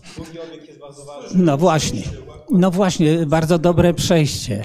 E, Marysia Halamska powiedziała, że trochę ma do mnie pretensje, że o rolnictwie. No taki logiczny był ciąg debat przecież, tak ustaliliśmy dużo wcześniej. Dużo wcześniej. E, miejsca na to w innych okolicznościach nieraz właśnie wiąże. To ja wykorzystując monitoring i różne inne rzeczy. Dzisiaj chcieliśmy się skupić skupić przede wszystkim na rolnictwie, bo zagrożenia, zagrożenia są ogromne. Y, ja oddam jeszcze tutaj kolegom, żeby po, po kilka słów powiedzieli. Y, zacznę od tej strony znowu. Ja sobie tylko pozwolę y, częściowo odpowiedzieć y, na, na, pytania. Y, pierwszy tutaj pani profesor, jeżeli chodzi o izby rolnicze, e, e, brak spotkań, ja powiem tak, nie, był, nie brak, tylko było ich za mało. Ale poszczególna struktura samorządu rolniczego jest, daje niezależność wojewódzkim izbom rolniczym i na szczeblu województw naprawdę tych spotkań odbywało się dużo ale wychodzi na to, że dużo, dużo za mało. I tu się z panią profesor na pewno zgadzam.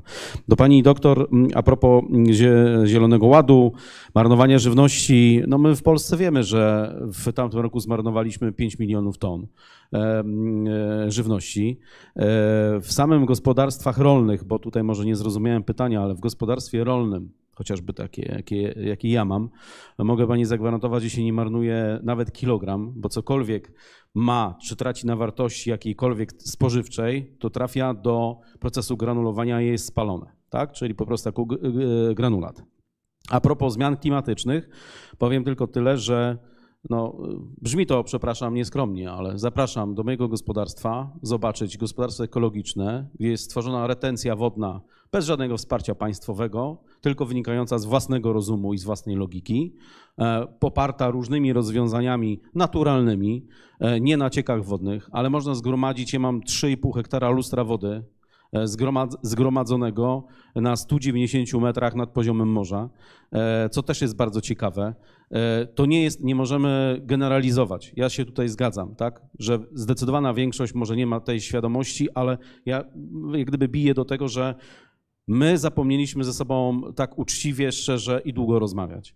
E, I a propos braku pań, e, powiem tak, nie wiem, czy to panią pocieszy. Jestem mężem i ojcem dwóch synów, i gdyby nie moja żona, nie byłoby szansy na rozwój mojego gospodarstwa. Może faktycznie powinny kobiety być częściej e, e, widywane e, i popierane dyskusjami.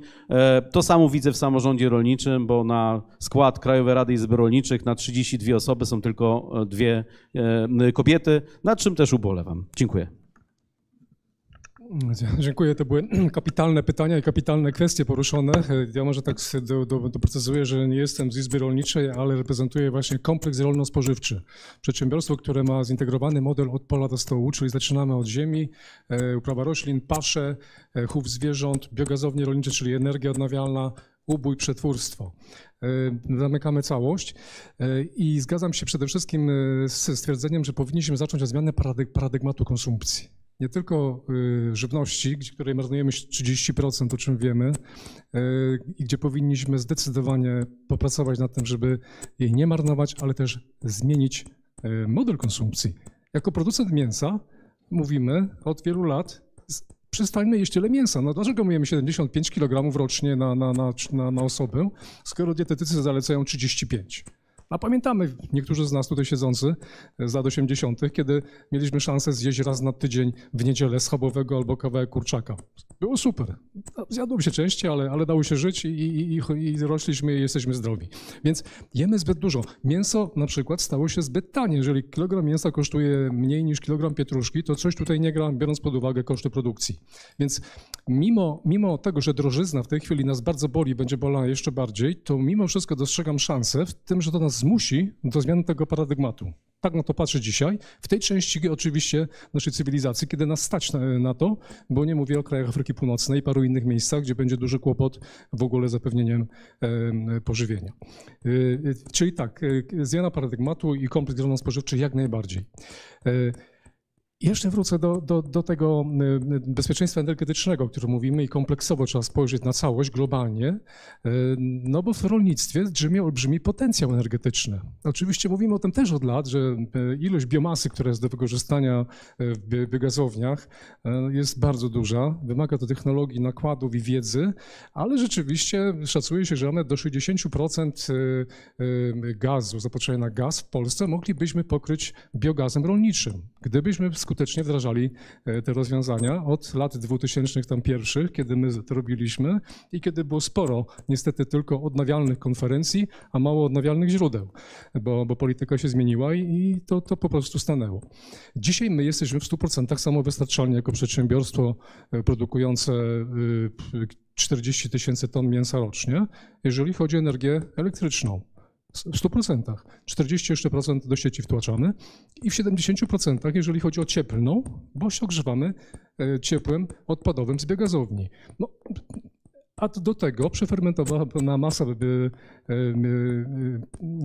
po, po biogazowni, czyli mieszanina odchodów zwierzęcych i biomasy roślinnej, trafia na pole jako nawóz naturalny i pokrywa kilkadziesiąt procent zapotrzebowania na, na biogeny. Czyli nie kupujemy aż tyle tych importowanych. No, zaczyna się to ładnie układać w to, o czym mówimy w kontekście zmniejszenia naszego uzależnienia od e, importowanego nawozu.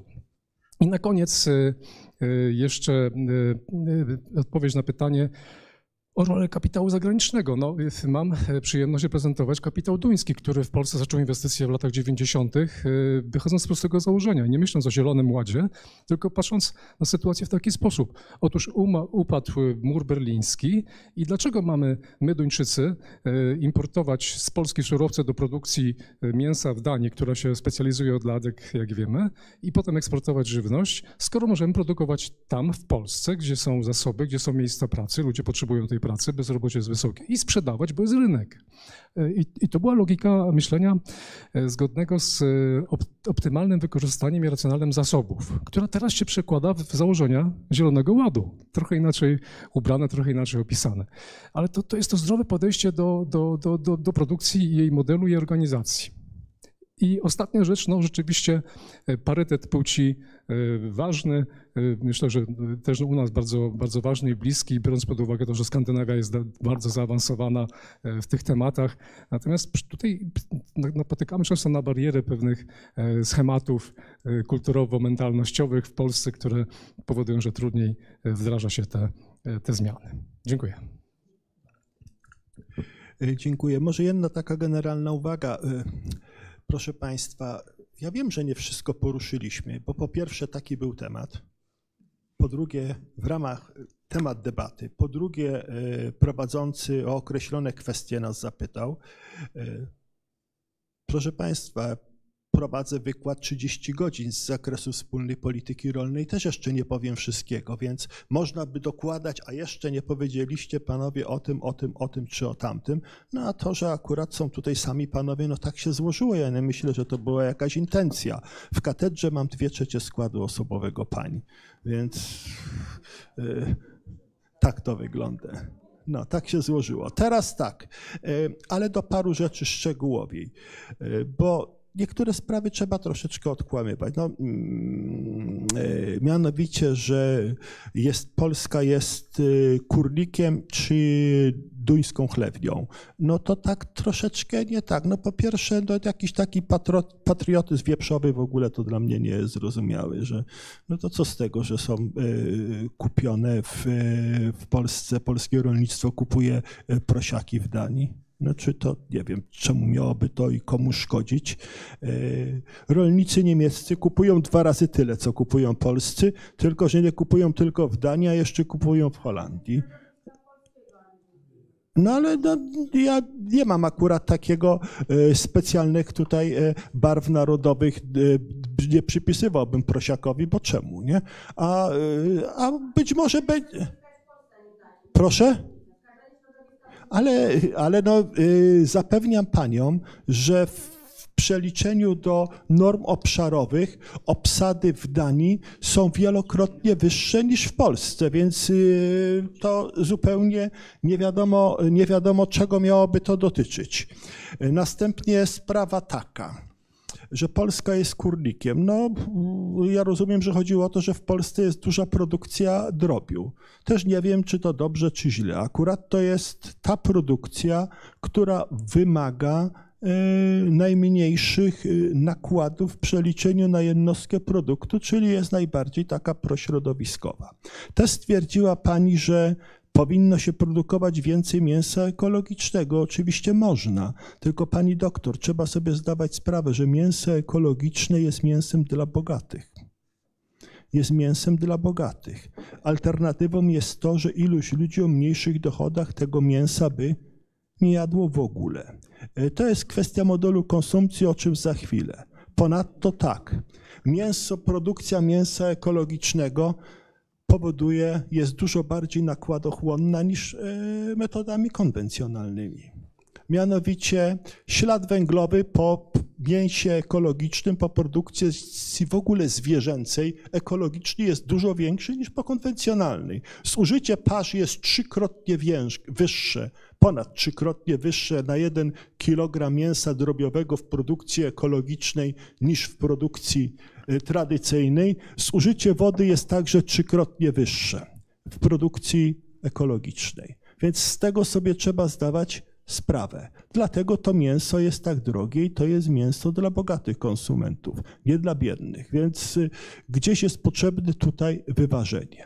Kolejna kwestia, model konsumpcji, mówił pan prezes Brociak. Rzeczywiście, w tej chwili jemy w Polsce dosyć dużo. Były okresy, ale nie jemy najwięcej w Europie. Ale sytuacja jest taka, że w latach 60. na świecie konsumowano 50 milionów ton mięsa, w tej chwili się spożywa 350, a w roku 2050 będzie 600 milionów ton. I czy chcemy, czy nie chcemy, tego procesu nie zatrzymamy, bo nie możemy powiedzieć, tak jak nie powiedzieliśmy kiedyś, nie mogliśmy powiedzieć Chińczykom, to wy zostańcie przy swoich 10, 12 czy 15 kilogramach mięsa rocznie, a my w Europie sobie będziemy zajadać 80, bo my jesteśmy Europejczycy, a wy jesteście Chińczycy i koniec, i wy macie się zadowolić tylko e, e, ryżem i koniec. Tak samo nie możemy powiedzieć teraz Hindusom, który, którzy jedzą rocznie 4 czy 5 kg mięsa. I to nie dlatego, że jak się opowiada, że są święte krowy, czy jakieś inne historie, bo to jest zupełnie inny powód, ale dlatego, że są za biedni, żeby zjeść. Ale oni też będą chcieli zjeść nie 4, a będą czy, czy 5, a 14 i 15, a za chwilę będą chcieli zjeść 25, a być może i 50 kg mięsa i także więcej wypić mleka, bo będą mówić, my nie jesteśmy gorsi niż Europejczycy i Amerykanie i także mamy prawo. I jakie my mamy moralne prawo powiedzieć Chińczykowi czy Hindusowi, ty zostań ze swoją dietą, taka, jak kiedyś występowała w Polsce e, w tej części południowo-wschodniej Polski opisywana w nędzy galicyjskiej, gdzie był znany przykład, kiedy rolnik jadł mięso. Ano jadł wtedy, kiedy on był chory albo kiedy kura była chora. Oczywiście można na temat i trzeba diety. Trzeba dyskutować na temat plagi, którą jest marnotrawstwo żywności. Tylko to też nie wiem, my tutaj nie załatwimy, możemy o tym mówić, do tego jest potrzebna edukacja szkolna przede wszystkim i cały szereg y, informacji, które się powinny ukazywać i które się ukazują. Czy odnoszą skutek? Jak na razie dosyć marny, bo z marnotrawieniem żywności jest kiepsko. Więc y, proszę bardzo, żeby rzeczy y, jednak postrzegać w pełnym kompleksie wiedzy, w pełnej znajomości problematyki, bo łatwo jest upowszechniać i one są upowszechniane bardzo proste i nośne hasła w praktyce idei, idei na przykład Zielonego Ładu, potem są łatwe do falsyfikacji idei Zielonego Ładu, idei zrównoważonego rozwoju, więcej szkodzą niż przynosić by mogły pożytku. Dziękuję bardzo. Ja bardzo krótko, bo rozumiem, że jeśli chodzi o pytanie dotyczące edukacji, transferu wiedzy, to będziemy nastała runda. To panu profesorowi nie będziemy y, na razie odpowiadać, chyba że nie odpowiemy w czasie debaty, to wrócimy do tych pytań. Y, jeśli chodzi o y, kwestie, które podniosła pani profesor Halamska i pani doktor, chcę powiedzieć, że one pokazują, że tak naprawdę u nas debata o Zielonym Ładzie e, rozpoczęła się od razu od e, bezpieczeństwa żywności i straszenia zielonego, Zielonym Ładem e, na poziomie politycznym. I było bardzo dużo e, takiej propagandy, natomiast nie było rzetelnej wiedzy. Przecież Zielony Ład to jest podejście holistyczne, gdzie jest e, przede wszystkim i konsument, i, ale wszystko obejmuje. Obejmuje i budynki, izolację i tak dalej, energię odnawialną, straty żywności i całą gospodarkę, wszystkie dziedziny życia, bo to ma być zrównoważony rozwój. U nas się na ten temat mało mówiło, bo to jest taka, takie gadanie i właściwie y, rozpoczęto od razu od krytyki. I teraz mamy tego skutek, bo już ten y, taki negatywny obraz się zakodował.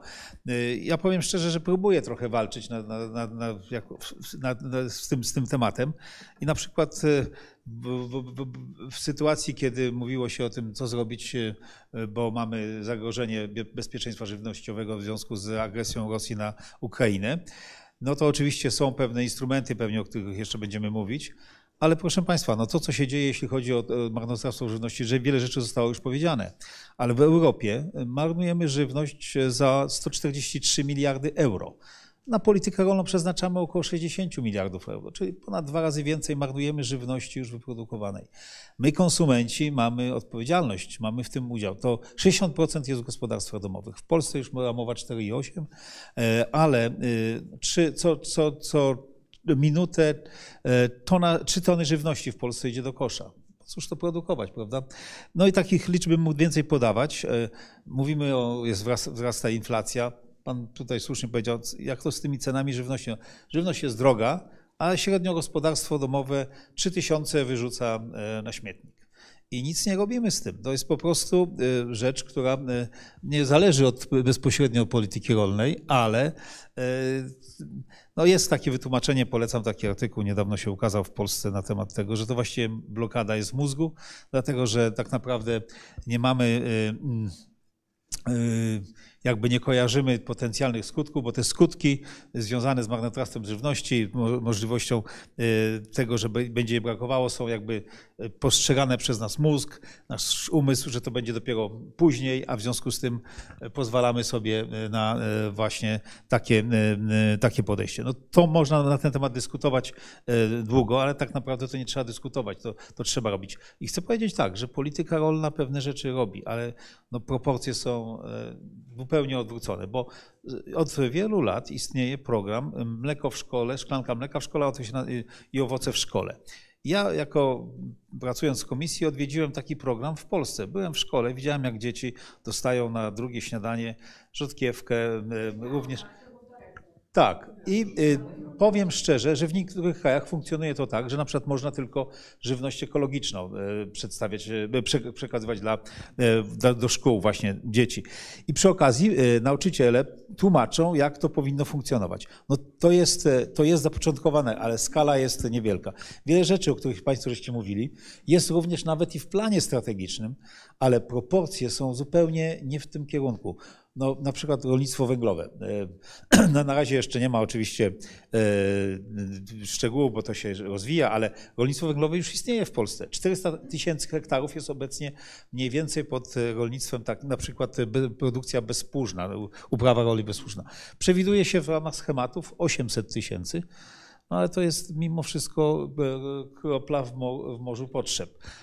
No tak, i to jest, e, także e, tutaj właśnie zabrakło tej debaty nad jakby strategicznym podejściem do wykorzystania środków po to, żeby ten zrównoważony rozwój następował. No to, co mówimy o tym, że ja myślę, że wszystkie strony tu mają rację, jeśli chodzi o kurniki w Polsce, e, bo z jednej strony jak patrzymy, no tak, potrzeba, e, inni mają potrzeby, potrzeba miejsca, ale bez edukacji tego nie ruszymy, a wiemy, że e, tak naprawdę tu można dużo osiągnąć właśnie poprzez świadome spożycie, bo to powoduje również koszty społeczne, choroby i tak dalej. Także, a także emisje.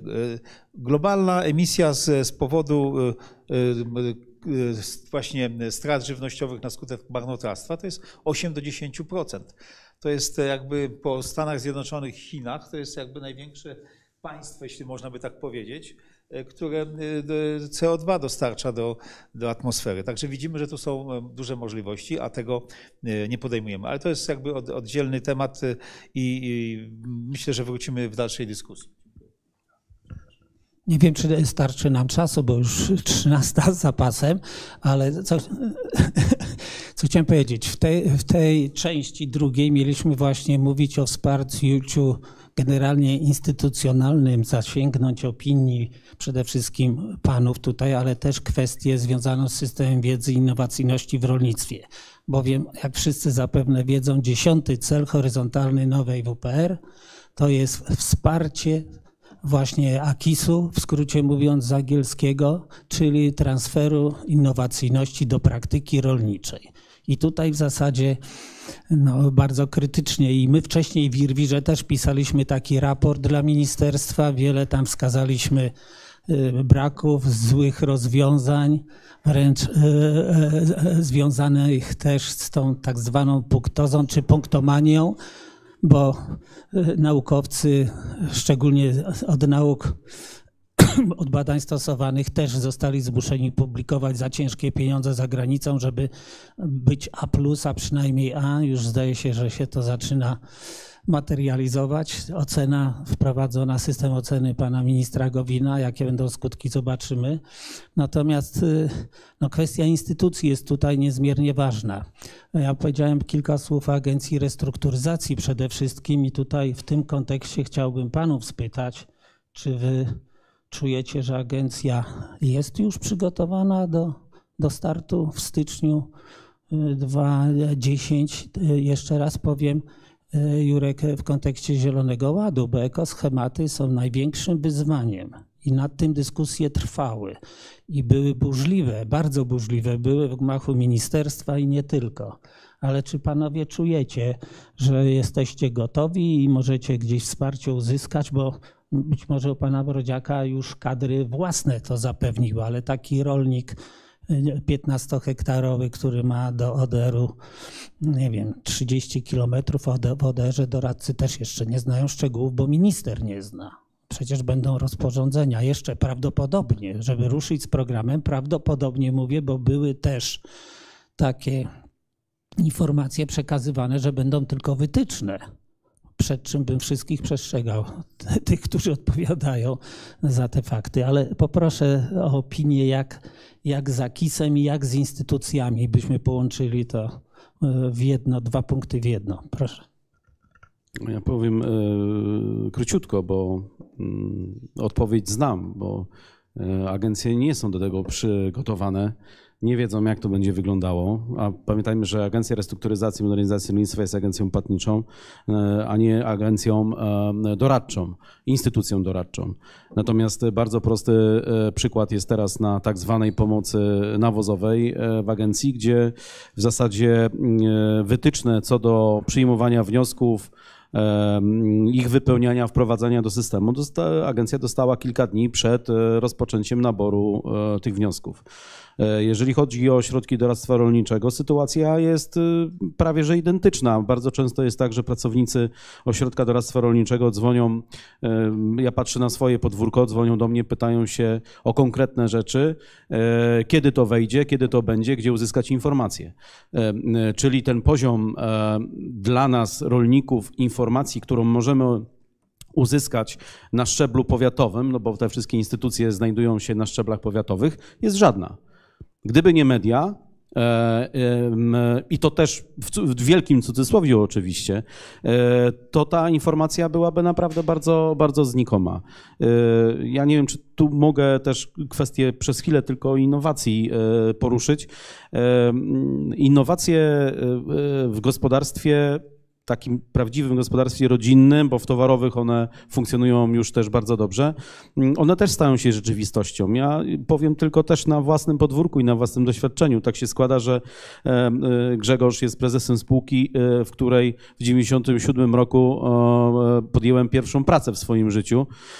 Byłem tam specjalistą do spraw produkcji roślinnej i w 1999 i w 2000 roku prowadziłem badania, wprowadzając system GPS w nawożeniu, czyli w zmiennym dawkowaniu e, upraw, nie na poletkach doświadczalnych 2 e, na 1,5, tylko na 147 hektarach konkretnym polu. E, I tam już wtedy mieliśmy wyniki, że nawożenie pod kątem wapnowania, stosowania fosforu, potasu, magnezu mogły wprowadzać w gospodarstwach, oczywiście w pierwszym, w drugim roku wzrost nakładów, ale one owocowały tym, że po pierwsze mieliśmy stabilny wzrost plonu, bo to było połączone z mapami e, plonów, była robiona na tym e, podłożu siatka. Ta, my to już mieliśmy ponad 20 lat temu. I teraz powinniśmy sobie zadać pytanie, czy ta innowacja, co my też rozumiemy pod pojęciem innowacji? Bo bardzo często jest tak, że wprowadzenie systemu uprawy ekologicznej e, w danym gospodarstwie może być innowacją. No, przepraszam, no, innowacja taka to była 80 lat temu, 90 lat temu. To była innowacja. Wtedy E, stosowanie upraw e, wieloodmianowych, tak? No, dzisiaj się mówi bardzo często, świat nauki mówi, że to jest innowacja. Jaka to jest innowacja? My byliśmy pionierem takich badań w latach 60. E, i cała Europa do dzisiaj z tego korzysta, a my tak staliśmy, przepraszam, w miejscu. Ja wierzę w to, że y, innowacja bardzo mocno przyspieszy, ale to, to też jest, bo dzisiaj ja, ja widzę z tego, co analizuję media społecznościowe, e, dla gospodarstwa innowacją jest wprowadzenie jazdy równoległej pojazdu gdzie wpisuje się szerokość roboczą i jest tak zwana jazda ciągnikiem bez trzymanki. Przepraszam, co to jest za innowacja? To nie jest, dla mnie to nie jest żadna innowacja. E, I tutaj też, żebyśmy się nie, nie zgubili, nie pogubili. Ja przez wiele lat prowadziłem jako też szef organizacji zbożowej doświadczenia z Uniwersytetem Przyrodniczym w Poznaniu. E, e, robiliśmy największe w Europie i się okazało parę lat temu, jak byłem w Stanach w 2019 roku, największe na świecie doświadczenia polowe wprowadzania substancji e, aktywnych przy e, zwalczaniu chorób roślin zbożowych na ponad 100 hektarach w czterech miejscach, lokalizacjach w Polsce. Przez trzy lata prowadziliśmy takie badania, współpracując z Uniwersytetem z czego, Przyrodniczym w Poznaniu, z czego się bardzo cieszymy. I tutaj pani doktor Sawińska, która no włożyła kupę swojego czasu zaangażowania, pozwoliła przygotować rolnikom bo to rolnicy przygotowali badania, gdzie podważaliśmy skuteczność e, e, koncernów e, chemicznych, światowych oczywiście, nie będę ich wymieniał, ale także i firm, które były dystrybutorami w Polsce. Podważaliśmy to, że wskazaliśmy na to, że to, co nam proponujecie, po pierwsze jest mało skuteczne, bardzo często jest bardzo drogie i co e, bardzo ważne, dbaliśmy w tym przede wszystkim o, bezpieczne, o bezpieczną żywność. Żeby pozostałości substancji, bo to jest bardzo ważne, pozostałość substancji aktywnych, ale także pozostałości mykotoksyn, które, które są, żeby ta żywność była tak, jak powinna być żywnością bezpieczną, zdrową, bo jemy po to, żeby być zdrowym. E, I tutaj tylko na koniec powiem, że nie zgadzam się mm, w wielu przypadkach, jak ktoś podnosi, że żywność ekologiczna e, może być bardziej szkodliwa niż ta żywność konwencjonalna. Tak może być, ale pamiętajmy, że żywność konwencjonalna w wielu przypadkach dzisiaj, w dzisiejszych realiach wynikających z infrastruktury magazynowej, transportowej, faszerowana jest olbrzymią ilością chemii i powiem to jeszcze na sam koniec. Sam osobiście e, przez wiele lat domagałem się tego, żeby system importu spoza terenów Unii Europejskiej był dużo bardziej e, weryfikowany pod kątem e, zawartości substancji, które są zakazane w Unii Europejskiej. Bo nie wiem, czy wiecie, w Unii Europejskiej zakazuje się wielu rzeczy. Natomiast import spoza Unii Europejskiej jest kontrolowany drastycznie słabo. Tylko tyle. Dziękuję bardzo. Na pytanie postawione w taki sposób, że czy mamy system e, transferu wiedzy i szkoleń przygotowany do absorpcji tych e, rozwiązań, jak, jak czuję, bo takie było pytanie, nie, ja czuję, że nie. E, czuję, że nie i nie będę już kopał leżącego, bo tutaj te słowa padły, jeżeli tak się mogę wyrazić. Natomiast e, nawiążę do słów pana, panie doktorze, że rzeczywiście no, my od lat 90., kiedy zaczęliśmy działać w Polsce na Pomorzu, korzystaliśmy z, ze zdobyczy wiedzy duńskiej w tym przypadku, e, zarówno produkcji roślinnej, jak i parzek i zwierzęcej i biogazowni, ale mało tego, my politykę otwartych drzwi wprowadziliśmy e, i od tamtych czasów, nie wiem, do dzisiaj szacuję na kilka tysięcy osób, które przewinęło się przez firmę u nas, e, słuchając, szkoląc się, oglądając e, biogazownię, to w szczególności, bo to taki popularny temat był w ciągu ostatnich lat, ale pamiętam jeden epizod z lat 90. a propos właśnie e, wymogów e, opisanych w Zielonym Ładzie czy celów ambitnych dotyczących użycia środków ochrony roślin. Redukcja 50%, tak? Ja pamiętam, że nasze pierwsze doświadczenia z rozmów z rolnikami były takie, że to oni używali zbyt dużo i to szacowaliśmy na 20-30%, co wynikało z faktu, faktu, że takie były rekomendacje producenta, no były takie, e, nie było, nie było takiej rzetelnej oceny, co rzeczywiście zastosować i dlaczego, e, a przepisy jeszcze były nieszczęśliwie ułożone tak, że zobowiązywały rolnika do stosowania dawek rekomendowanych przez producenta. Więc widać, że w wielu przypadkach te ambitne cele Zielonego Ładu można osiągnąć poprzez e, rzetelną ocenę produkcji, fachową, czyli wiedzę, wracamy do, do punktu wyjścia, no i racjonalne zarządzanie tą, tą, tą produkcją, uważną obserwację, reagowanie e, w sposób e, właściwy. W nawiązaniu do e, szkoleń i współpracy jeszcze jedna uwaga.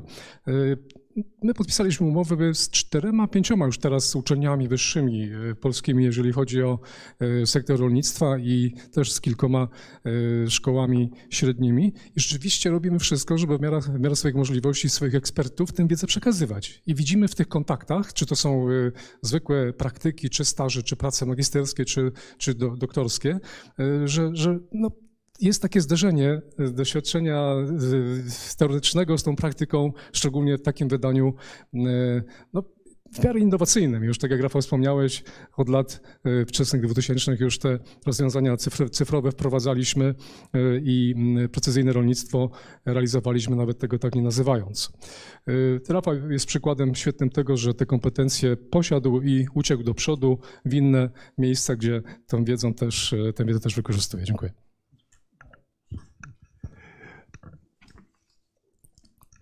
W tej chwili rolnictwo i cały sektor żywnościowy rzeczywiście stoi przed niełatwymi wyzwaniami. Już e, dotykaliśmy tego problemu, bo po pierwsze trzeba zachować i zwiększać poziom produkcji. Żeby zwiększać poziom produkcji, możliwości są dwa. Są dwie. Albo by trzeba zwiększać obszar użytków rolnych, ale to byłoby nieszczęście, bo to jest głównie wycinanie lasów deszczowych, albo trzeba produkować z, e, z, jednostki powierzchni czy od jednego zwierzęcia jakoś więcej. Oczywiście to można łagodzić, to można łagodzić, zmieniając dietę, czy też e, przede wszystkim mniej marnotrawiąc. I to jak najbardziej. Teraz tak. By przynajmniej zachować poziom produkcji, trzeba jednocześnie mieć na względzie środowisko, czyli zmniejszać zużycie chemicznych środków produkcji. Czyli trzeba poprawić efektywność techniczną. Na jedną jednostkę produktu zużyć mniej środków ochrony roślin, roślin zużyć mniej nawozów, czy na jeden kilogram mleka, na jedno jajko, na jeden kilogram mięsa zużyć mniej pasz. Jak to można zrobić? Można to zrobić, ale do tego jest potrzebna, są potrzebne dwie rzeczy odpowiedni kapitał ludzki, czy wręcz nawet kapitał intelektualny i kapitał finansowy, za którym kryje się kapitał rzeczowy. Bez tego zrobić się nie da. To są dwa warunki innowacyjności. I teraz można to rozpatrywać, tę kwestię innowacyjności y, niejako na dwóch płaszczyznach, na płaszczyźnie tej wytwórczej. I tutaj też się nie można oszukiwać. Ciekawa zresztą praca kiedyś tutaj w tym instytucie, który organizuje, powstała dotycząca siły ekonomicznej. E, podmiot, który jest w stanie wdrożyć innowacyjność, musi cechować się jakąś określoną siłą ekonomiczną. Kiedy jej nie posiada, innowacji nie jest w stanie wdrożyć. Nie jest w stanie wdrożyć. I nie mamy się co oszukiwać, jeśli byśmy przeszli jeszcze na grunt polski, że milion trzysta tysięcy gospodarstw, tyle ile wykazał powszechny spis rolny, jest w stanie wskazać innowacyjność. Przy okazji tej właśnie już tutaj przywoływanego raportu pokusiliśmy się o taki szacunek, ile gospodarstw w Polsce jest w stanie wdrażać rolnictwo precyzyjne, czyli takie, które pozwala stosować nawozy mineralne tam, gdzie one są potrzebne, a nie po całej powierzchni pola, gdzie są potrzebne, gdzie nie są potrzebne, gdzie mogą zaszkodzić. Środki ochrony roślin, jeśli tak, to tam, gdzie jest chwast i na chwast, a nie na całą powierzchnię, czy też na przykład biologiczne środki ochrony roślin, czy mechaniczne zwalczanie, ale takie mądre, że na tym y, chwastowniku są zamontowane setki kamer, które widzą, która roślinka jest chwastem, a która jest rośliną uprawną i jest w stanie wyciąć tę roślinę, która jest chwastem. Ale to jest bardzo drogie i do tego potrzeba bardzo dużej, dobrej wiedzy fachowej. Jak natomiast yy, i trudno też postawić tezę, że rolnictwo same jest w stanie wygenerować potrzebny kapitał. Tutaj świetną rolę odegrała wspólna polityka rolna. Wspólna polityka rolna, bym powiedział, w pierwszych dwóch dekadach XX wieku przyczyniła się walnie w takim rolnictwie jak polskie do nowoczesnego zmechanizowania tego rolnictwa. Ale jest potrzebny kolejny etap. Jest potrzebny kolejny etap cyfryzacji rolnictwa i potrzebne są kolejne duże środki na ten cel. A co się dzieje? Jeśli byśmy przymierzyli perspektywę 2007-2013, to wówczas w drugim filarze średniorocznie, tak, wypadało około 2,5 miliarda euro w polskim rolnictwie. W tej perspektywie, która się kończy, to są słabe 2 miliardy, a w latach 2023-2027 to będzie 1,5 miliarda, wszystko liczone w cenach bieżących, czyli środków na rozwój będzie mniej, nie chcę rozwijać czemu, mówił już pan dyrektor Plewa, słynne przesunięcie środków y, y, z drugiego filaru, tego bardziej prorozwojowego do pierwszego. W pierwszym doskonałe ich rozproszenie. Jeśli by policzyć wszystkie inwestycje, jakie są przewidziane według takiej ilości produktu, czy ilości gospodarstw, które będą wspierane, to i te inwestycje, które, e, czyli subwencje do inwestycji, które będą zwiększać konkurencyjność, ale instrumenty finansowe, czyli dopłaty do oprocentowania kredytów, in, in, w OZE, w poprawę efektywności energetycznej, przyczyniające się do poprawy klimatu razem 16 tysięcy. 16 tysięcy gospodarstw jest przewidziane do wsparcia. No to może w takim razie jest duże wsparcie dla małych gospodarstw. Jest dla 15 tysięcy. I to są te wielkości, które w latach 2023-2027, jeśli chodzi o ilość gospodarstw, które będą wspierane, występują w planie strategicznym. Czyli y, jeśli będą jakieś dodatkowe środki, jeśli się pojawiać będą na przykład środki, na co liczymy z Krajowego Planu Odbudowy, no to na przykład mogłyby mocno wesprzeć cyfryzację czy kwestię związaną y, z gospodarką wodną y, na obszarach wiejskich w rolnictwie i w całym systemie żywnościowym.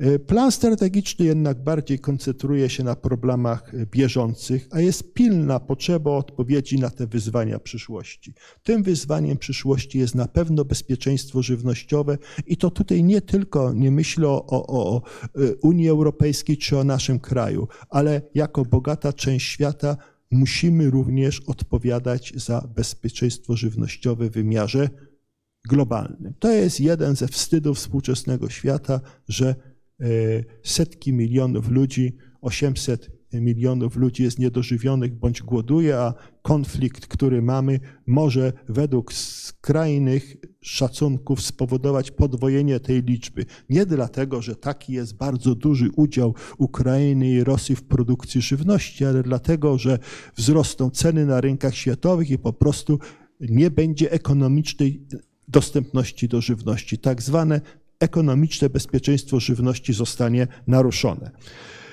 Y, polityka rolna, zarówno ta krajowa, jak i unijna, powinna, powinna wspierać przekształceniom roślinom ku tym nowoczesności, ku jego cyfryzacji. Bez dopływu wiedzy do rolnictwa będzie to bardzo trudne. A praktyka też, jeśli chodzi o tę stronę, y, która tej wiedzy powinna dostarczać, też nie jest różowa.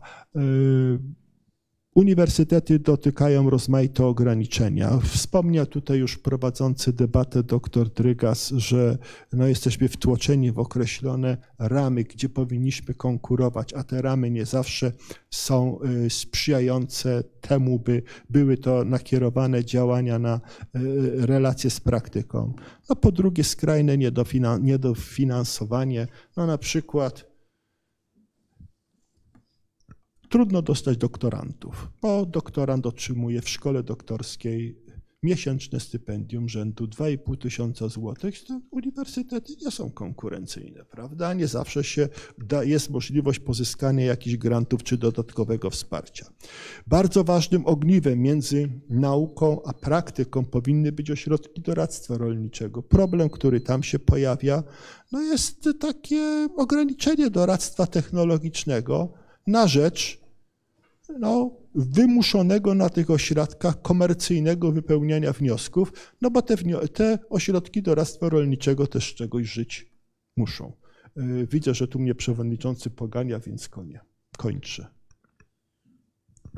Dziękuję.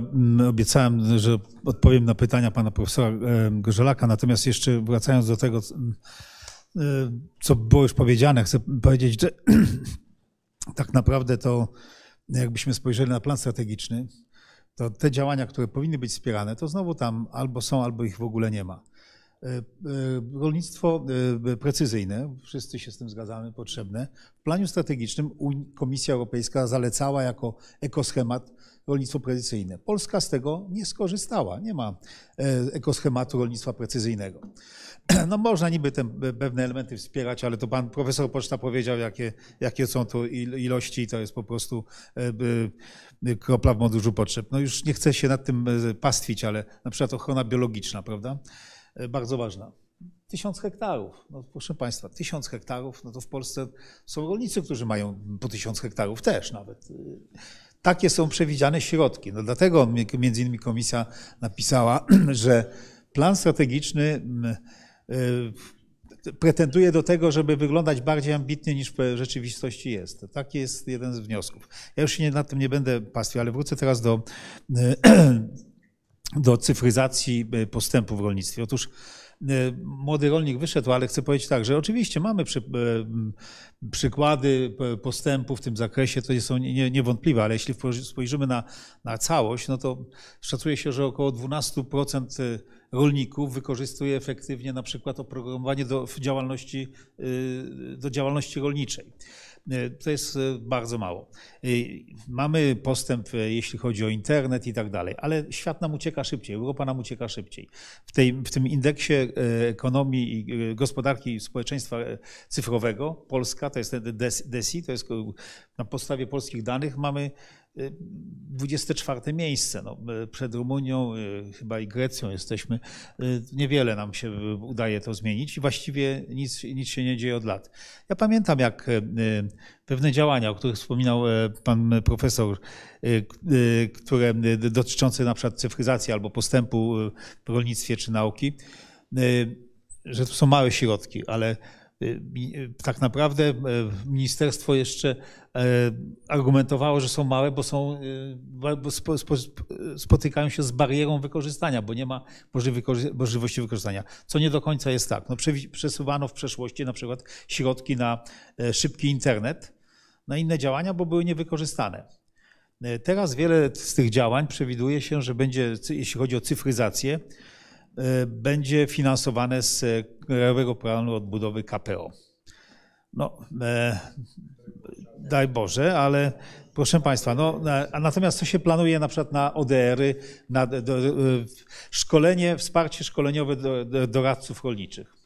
4,8 miliona euro rocznie z budżetu unijnego. To jest tak mniej więcej jak 4, 5 dni kary za brak, za, za utrzymywanie tej y, Izby Dyscyplinarnej w Polsce. To, to jest mniej więcej tak, taki rząd wielkości. To są tego typu proporcje. Taką mamy, y, takie mamy, taką mamy sytuację, musimy być tego świadomi. Y, teraz wracając do badań, żeby za dużo nie przedłużać. Oczywiście jednym z założeń było, jest to, i nadal to jest, że aby osiągnąć cele Zielonego Ładu, Y, to niezbędne jest zainwestowanie w naukę, ponieważ bez tego się nie da w innowacje i wdrożenie tych innowacji. Dlatego na badania i y, rozwój i wdrożenia jest więcej środków niż na przykład w poprzednich budżecie. Na, tylko na badania, rozwój i wdrożenia w rolnictwie, gospodarce żywnościowej jest 10 miliardów euro na, tą, na ten obecny okres. W poprzednim było 4,5 miliarda euro, no to widzimy, że to jest ponad dwa razy więcej. Oczywiście te środki nie są dzielone e, według koperty na poszczególne kraje, tylko e, na zasadzie jakości projektów, które są oceniane przez e, ekspertów i przez komisję, którą zarządza taka agencja, która jest w Luksemburgu, a która jest nadzorowana również przez DG Agri. Panie profesorze, nie ma żadnych problemów ze zlecaniem badań przez jedne dyrektoriaty innym. Jest dużo zrobiono w tym, żeby tutaj była bardzo harmonijna współpraca i prace są wspólne. Dam taki przykład, z którego Polska niestety nie korzysta, nic nie kosztuje. Pan profesor, pewnie panowie znacie system FAST, który miał być wdrażany, żeby właściwie miał być obligatoryjny, ale to, nie, to w końcu nie jest obligatoryjny. Chodzi o to, że komisja chciała przygotować narzędzie dla każdego rolnika, który mógłby na podstawie danych, które ze swojego gospodarstwa prowadzi, w oparciu o obserwacje satelitarne z Kopernikusa i e, Sentinel, żeby mógł ocenić e, e, gospodarowanie substancją, znaczy gospodarowanie tak, substancją odżywczą w gospodarstwie, żeby mógł po prostu również dawkować nawozy i środki ochrony roślin w zależności od tego, jaka jest bieżąca sytuacja, bo te dane są gromadzone i tak. I projekt pilotażowy został rozwinięty już dawno. E, kilka państw korzystało. Można, Polska mogła uczestniczyć, nie uczestniczyła w tym programie. E, uczestniczy Estonia, uczestniczą Czechy, uczestniczy Bułgaria, e, Słowacja, Belgia, Hiszpania, Włochy. A my budujemy system, który chyba KOWR buduje system do oceny na przykład suszy. Przy pomocy takich obserwacji i tych działań można byłoby też oceniać tego typu sytuacje. Także to jest przykład zaprzepaszczania szans, które są. Tak, no to też jest inna, inna, inna metoda, że tak powiem, naukowa. E, I e, e, chcę tylko powiedzieć tak, że jest nadal możliwość E, bo jest platforma, ta European Innovation Partnership, takie partnerstwo innowacyjne, które może finansować projekty nie tylko regionalne, ale również między, między poszczególnymi państwami. No tutaj nasza aktywność nie jest zbyt wysoka. I na koniec chcę powiedzieć tak, ODR-y. Ja wiedząc, że będzie dyskusja na ten temat, zerknąłem na raport NIK z 2000, który ocenia ODR za lata 2016-2018, z 2020 roku. No między innymi tam nastąpiło w niektórych ODR-ach tąpnięcie, jeśli chodzi o kadrę, bo płace są tak niskie, znacznie niższe niż średnia krajowa. I liczba rolników przypadających na jednego doradcę wzrasta w Polsce, chociaż e, chyba powinno być inaczej. I oczywiście na szczęście wielu rolników korzysta z doradztwa firm e, prywatnych, a także no, biznes e, rolniczy pomaga im wybierać różne rozwiązania. I, I, szczególnie widać to w tych większych gospodarstwach, na przykład w zachodniopomorskim. Na tym, na tym kończę i dziękuję bardzo. Ja powiem jeszcze dwa słów i jeżeli z sali będzie reakcja na ten temat, to bym też prosił, bo już właściwie czas nam się kończy. Powiem tak o AKIS-ie, naszym systemie wiedzy w kontekście tego, co wynika z, no, z pewnej promocji, bym powiedział, AKIS-u Unii Europejskiej. To po pierwsze, nie ma praktycznie żadnej współpracy między partnerami. AKIS postrzegany nie chciałbym, żeby to zabolało może niektórych z, z punktu widzenia ulicy Wspólnej, to w zasadzie tylko instytucje, instytucje, które w jakiś sposób podlegają jurysdykcji Ministerstwa Rolnictwa. To trzeba znacznie szerzej rozumieć i widzieć w centrum rolnika. Jest to, rolnik jest widziany w centrum, natomiast właściwie współpracy z jednostkami, jak powiedział E, pan doktor Plewa, no, prywatnymi, które często są dużo lepsze, nie istnieje coś takiego. Z drugiej strony ODR -y. E, następuje od lat negatywna selekcja do tego zawodu. Ludzie młodzi jak przychodzą, no to przychodzą, rozejrzą się, jak są dobrzy, natychmiast uciekają. W ODR-ach było takie zjawisko, że w pewnym momencie wszystkich emerytów wypraszano y, na emeryturę, ale okazało się, że po kilku miesiącach w wielu ODR-ach zaczęto prosić, żeby wrócili. bo nie były luki. To luki to już trudno ocenić, jakie są, nie były zapewniane. A, a skąd to się bierze? To, co Jurek powiedziałeś, niskie płace. Ja e, trochę złośliwie często mówię, że co roku w Oderach jedna trzecia personelu doradców dostaje podwyżki, ale dostaje z powodu z powodu wzrostu w ostatnich latach minimalnej i w tym roku w związku z kosztami utrzymania e, zasobów, jakie mają e, budowli czy budynków, w związku ze wzrostem cen energii, problem, problem się pojawił ogromny, że tych pieniędzy no może nie starczyć. No nie, nie myślę, że będą odery zamknięte za, na przykład od października, bo nie będzie stać ich na opłatę rachunków, to żadna cyfryzacja tu nie pomoże, nic, nic, z tego, nic z tego po prostu nie będzie. Więc tu też jest problem ogromny ze służbą doradczą, dlatego chciałem, żebyśmy tutaj troszkę podyskutowali na ten temat, szczególnie w kontekście, że sytuacja moim zdaniem jest gorsza niż jak przed wejściem do Unii, bo wtedy wszyscy się przejmowali. Jurek pamięta pewnie, że sama agencja zrobiła 40 tysięcy spotkań z rolnikami na poziomie gmin jak wypełniać wnioski o płatności bezpośredniej. I to się udało wtedy. Dzisiaj obawiam się, jeszcze raz powtórzę, ekoschematy, że może być to nieudane, a pamiętamy, że może limit jak na dzisiaj niezmieniony jest taki, że co najmniej 20% tych pieniędzy, jakie większe mamy niż myśleliśmy na ekoschematy, jak nie wydamy, to Polska będzie musiała plan naprawczy przygotować. A jak zrobić źle, to to jakieś kolejne stopnie konsekwencji, więc zagrożenie jest tutaj jest tutaj ogromne bez względu na wszelkie inne rzeczy. A jeszcze jeden element, bo ja już trochę tak mówię, jakby zamykając, podsumowując, jeżeli nie będzie e, głosów e, z sali, bo też, też pojawiają się takie e, propozycje, a tutaj kilka, po kilka łączyć możliwych schematów na tej samej działce, no ale jak to się policzy, to wyjdzie, że jeden rolnik będzie miał załóżmy 500 czy nawet 600 euro. Było historycznie tak nawoływane kiedyś, bierzcie to, to, to, to. Ja na pewnym spotkaniu powiedziałem, że e, Drygas będzie miał 750 na hektar, ale dwóch rolników jeszcze obok sąsiadów będzie miało po 150 czy tam ileś, bo ja zabiorę ich pieniądze, a mówi się o średniej. Także przestrzegam wszystkich przed średnimi, bo wiemy doskonale, że w ekonomii to czasami oszukuje. Jeśli są głosy, to proszę bardzo. E, gościa poproszę z Olsztyna.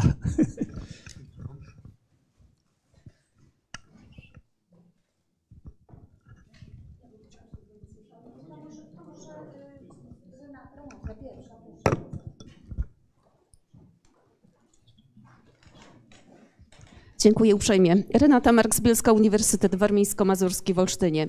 Szanowni Państwo, w dyskusjach na temat przyszłości polskiej wsi i rolnictwa chociaż spotykamy się tutaj w gronie znakomitych e, naukowców, specjalistów, praktyków, pada zawsze wiele retorycznych pytań. Pamiętam, jak prawie ćwierć wieku temu stawiałam swoje pierwsze kroki w nauce, to wiele artykułów traktujących o tej problematyce rozpoczynało się tak. Sytuacja w polskim rolnictwie jest trudna. Szanowni Państwo, weszliśmy do Unii Europejskiej. Na, polskiej, y, na polską wieś napłynęły znaczne fundusze z budżetu Unii Europejskiej, na co wskazywał m.in. pan profesor Poczta w podsumowaniu. Obraz polskiej wsi y, się zmienia, ale sytuacja w polskim rolnictwie jest nadal trudna i wynika z wielu powodów. Między innymi z tego, że jak wszyscy na tej sali wiemy, jest to sektor szczególny, produkcja szczególnie roślinna jest obarczona dużym ryzykiem. Na to nakładają się uwarunkowania prowadzonej polityki rolnej na poziomie europejskim i krajowym. E, no i te gwałtowne, nieoczekiwane zdarzenia jak COVID, jak wojna, no i w Polsce uwarunkowania historyczne, które powodują, że mamy to duże zróżnicowanie struktur rolnych w naszym kraju. Szanowni Państwo, mamy odpowiedź, dlaczego interwencjonizm w rolnictwie jest potrzebny, konieczny, chociaż nie wszyscy tak sądzą. O tym pisze e, innymi w licznych publikacjach, innymi pan profesor Jerzy Wilkin. Do tego ważne kwestie dotyczące rolnictwa w warunkach gospodarki rynkowej, o tym, że jest to partner słabszy w stosunku do pozarolniczego otoczenia, głównie z powodu bardzo wolnej akumulacji kapitału w porównaniu do najbardziej rentownego jego zastosowania, e, opisywali innymi pan profesor Andrzej Czyżecki, czy pani profesor Agnieszka Poczta-Wajda, czy e, dzisiaj będący z nami na tej sali e, pan profesor Włodzimierz Rębisz. Ale ja bym poprosił bardziej może o pytanie też, bo mamy jeszcze 10 Dobrze, minut. ja, y, dobrze, ja nie będę zadawała pytań, tylko tutaj takie refleksje mi się nasunęły słuchając Państwa, więc y, Postaram się skrócić to, co chciałam powiedzieć. E, Drodzy Państwo, ta słabość rolnictwa wynika bezpośrednio z charakteru zaangażowanych w nim e, czynników produkcji, między innymi ograniczonej podzielności. Ziemia rolnicza co do zasady nie podlega transferom. Specyfika ta dotyczy także dużej części zasobów kapitału, e, kapitałowych mm, zaangażowanych w rolnictwo, które są trwale związane właśnie z ziemią. Dzisiaj niestety możemy stwierdzić również, że sytuacja w polskim rolnictwie jest trudna. Działamy w systemie globalnym globalnym. Włączyliśmy się w powszechne tendencje rozwojowe, w globalizację poprzez europeizację, przystępując do Unii Europejskiej. Triada współczesnego modelu rozwoju to oprócz globalizacji konkurencja i innowacje. Jak napisał w roku przystąpienia Polski do Unii Europejskiej e, pan profesor e, Grzegorz Gorzelek. Z, nie, z niepokojem przyjmuję fakt, że tak jak tu dzisiaj powiedziano, w perspektywie e, pogorszy się sytuacja rolnictwa towarowego. Te tego właśnie, które ma konkurować na rynku europejskim. Stan polskiego rolnictwa prowadzono wobec tego sektora polityka, jaka jest, tak jak dzisiaj powiedzieliśmy, to zależy od punktu widzenia i od e, interesariuszy. E, dziękuję bardzo. Dalsze wywody może na kolejną debatę. Dziękuję uprzejmie. Dziękuję. Napłynęło jeszcze takie py jeszcze pytanie, może ja przeczytam to ktoś się zdecyduje, żeby odpowiedzieć, jak wojna w Ukrainie, czyli ekspo ograniczenie eksportu pszenicy, kukurydzy, zbóż generalnie i innych oleistych, załóżmy, może wpłynąć na polskie rolnictwo i w ogóle na sytuację produkcji rolnej w Polsce. Kto na ochotnika? Jeśli panowie pozwolą, że wszyscy. Proszę Państwa, no oczywiście y, wyraźnie widać, że już wpłynęła. E, nie ma e, analiz, które by e, pokazywały to ilościowo w Polsce, ale czytałem akurat analizę dzisiaj holenderską, która pokazuje, że w pierwszym kwartale ceny dla producenta wzrosły średnio o 20%, ale na przykład e, ceny niektórych nośników energii o 130%. I e, cena produkcji, również ceny producenta żywności za pierwszy kwartał w porównaniu do analogicznego roku poprzedniego podnieśli o, 30, o 20%. To jest jakaś próba ilościowa. W Polsce się mówi, że tak będzie, natomiast raczej są bardzo jakościowe oceny. Niewątpliwie próbuje się temu przeciwdziałać. E, co robi Unia Europejska? Otóż no, e, przede wszystkim e, ten Zielony Ład próbuje dość elastycznie wprowadzać. Między innymi na tych 5% gruntów, które są odłogowane, można będzie uprawiać rośliny chociażby białkowe i już to jest tu uzgodnione. Wprowadzono dla rolników również możliwość, Polska to wykorzystała, do, do do, tych, do nawozów sztucznych. To już jest wprowadzone. Obecnie z Ukrainą jeśli chodzi o relacje, bardzo szybką ścieżką przywrócono możliwość dla Ukrainy y, bez y, kwot i bez ceł import. Czyli odbywa się do końca, na jeden rok import, handel z, z Ukrainą jest bez żadnych ceł i bez żadnych ograniczeń ilościowych. Co więcej, y, y, obecnie komisja proponuje tak zwany security line, czyli takie korytarze, y, solidarity line, takie korytarze solidarnościowe po to, żeby zboża zgromadzone w Ukrainie można było wyeksportować poza to terytorium. Uruchomiono w kwietniu dopiero pierwszy transport pszenicy, 71 tysięcy ton do Konstancy popłynął z Ukrainy. No to są niewielkie ilości, wiedząc, biorąc pod uwagę, że około 25 milionów ton zbóż czeka na eksport z tego terytorium. Na pewno to się będzie odbijało na cenach. E, ale pamiętajmy, że ceny to nie tylko e, spowodowane wzrost cen jest nie tylko wojną, ale również polityką e, rządu, polityką banku centralnego i to musimy brać pod uwagę, bo często próbuje się tylko tłumaczyć, że oto wojna, czyli agresja Rosji na Ukrainę spowodowała ten wzrost cen. Ten wzrost cen już następował przed wojną i on będzie niestety kontynuowany. Pewne środki zaradcze są, ale ich zakres jest e, ograniczony. Dlatego ja tak osobiście proponowałem ten manifest do konsumentów. Stop marnotrawstwu żywności, bo tej żywności można by było trochę zaoszczędzić. No to nie jest natychmiastowe, bo to musi być zmiana mentalna, ale musimy to robić. Przepraszam, że tak długo mówiłem. Nie wiem, czy pan... Jeśli można by do tego jeszcze, jeszcze dwa słowa, więc kwestia bezpieczeństwa żywności, wpływu na polski rynek, więc y, ani Ukraina, ani Rosja nie są dużymi partnerami Polski, jeśli chodzi o obrót produktami rolno-spożywczymi bezpośrednio. Y, udział, udział Ukrainy w polskim eksporcie rolno-spożywczym to niecały miliard euro, w imporcie podobna sytuacja. Jeśli chodzi o Rosję, eksport jeszcze mniejszy, import zupełnie niewielki. Natomiast są pewne sektory, które mogą odczuć, jeśli chodzi o kwestię sankcyjną. Mianowicie duże znaczenie mają eksport materiału szkółkarskiego, sadzone kwiatów, owoców, ale przez Białoruś y, ta droga będzie też jakoś zamknięta, gdzie były dotychczasowe sankcje omijane. Y, mogą odczuć producenci wyrobów czekoladowych, niektórych przetworów ze zbóż, ale raczej będzie to się dotyczyło poszczególnych przedsiębiorstw, branż już w mniejszym zakresie. Bardziej dokuczliwy, mówię o tych relacjach bilateralnych bezpośrednich, są kwestie energii i nawozów. Tak? Gaz powoduje, że e, import wzrosty cen gazu powodują na rynkach światowych, że e, dużo droższe są nawozy azotowe również e, nawozy potasowe. Tak? Rosja i Białoruś to 40% światowej produkcji, kolejne 40% to aż w Kanadzie. To jest kopalina. E, w związku z tym również dotkliwy wzrost e, nawozów, cen nawozów potasowych.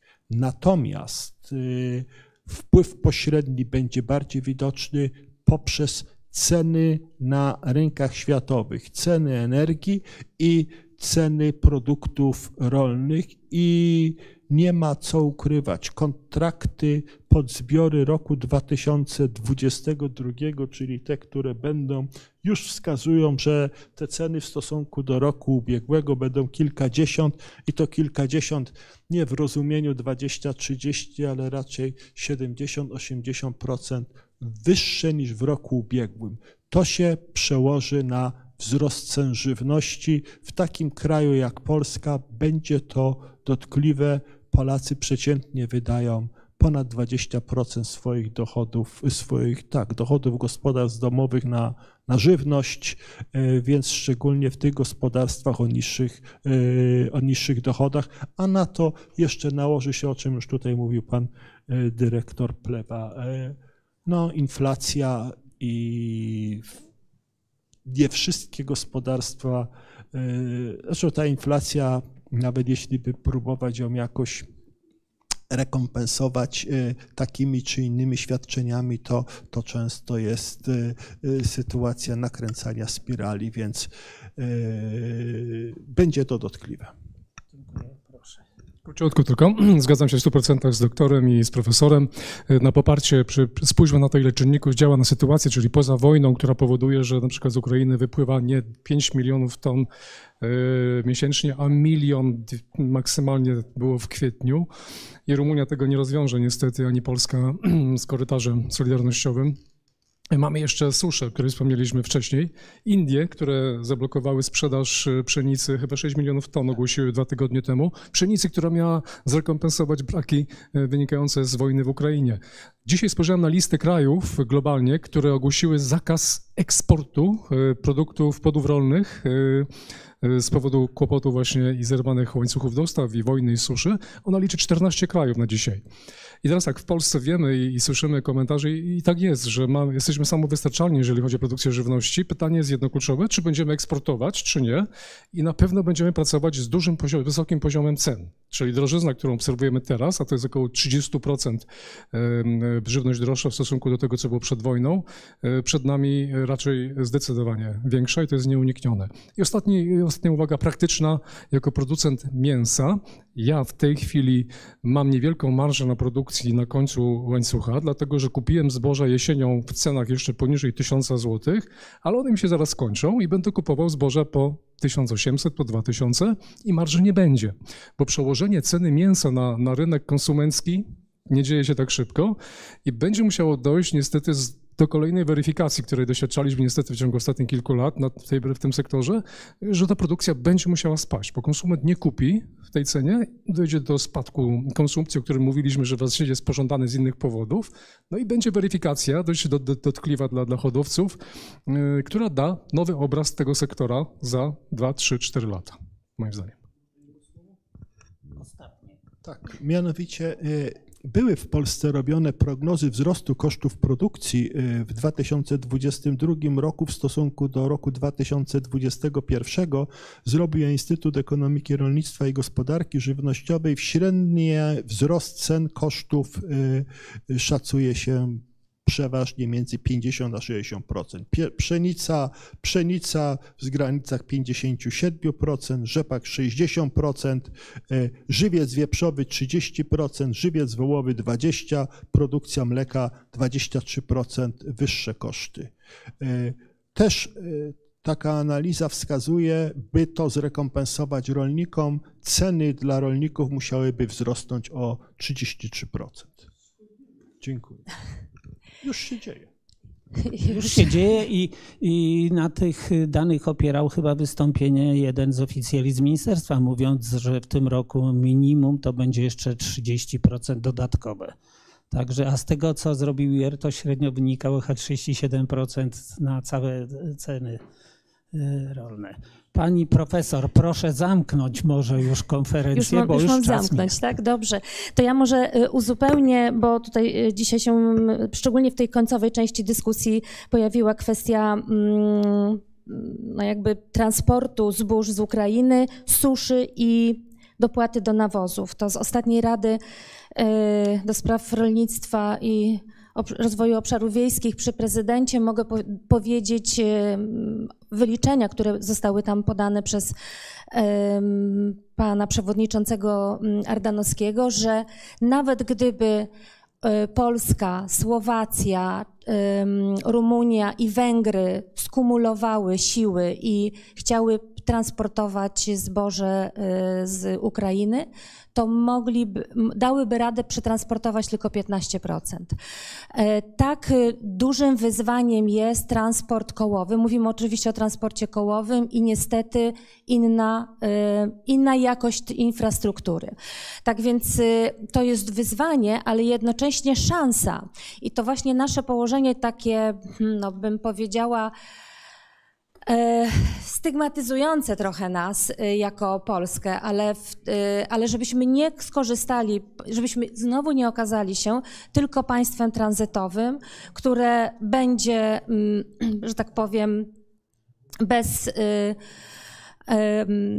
no, bez zysków jakiś, tak, transportować, transportować różne towary w, w kierunkach, w kierunku wschód-zachód.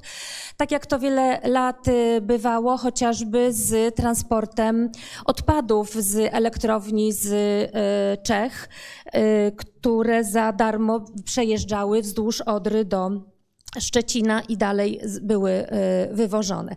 Tak więc y, czas się obudzić i z tego położenia naszego tranzytowego y, korzystać. Minister Ardanowski również powiedział, że mm, rząd przeznaczył na dopłaty do nawozów więcej niż przeznaczył na dopłaty do suszy za czasów jego, za, za czasów jego ministrowania. Tak więc widać, jak duży, jak duży to jest wysiłek, jeżeli chodzi o tą, o tą rekompensatę e, do, do, do nawozów.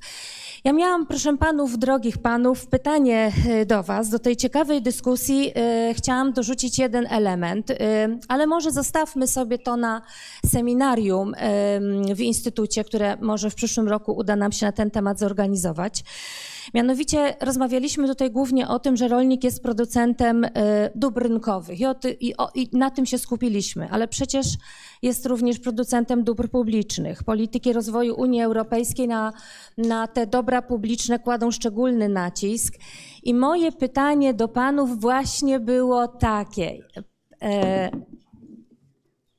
Czy możemy powiedzieć, że po 2023 roku w Polsce będzie wspierana instrumentami polityki w Polsce, tak? Mówię, będzie wspierana instrumentami polityki um, gospodarczej i polityki rolnej wielofunkcyjność rolnictwa. Wielofunkcyjność rolnictwa, czyli nie tylko aspekt dóbr rynkowych, ale również aspekt dóbr publicznych. Mówię przez politykę naszą, e, naszą Polską. Ale być może zostawmy to na, na nowe seminarium, e, bo czasami pytania właśnie są retoryczne, jak powiedziała dr Mark Bielska.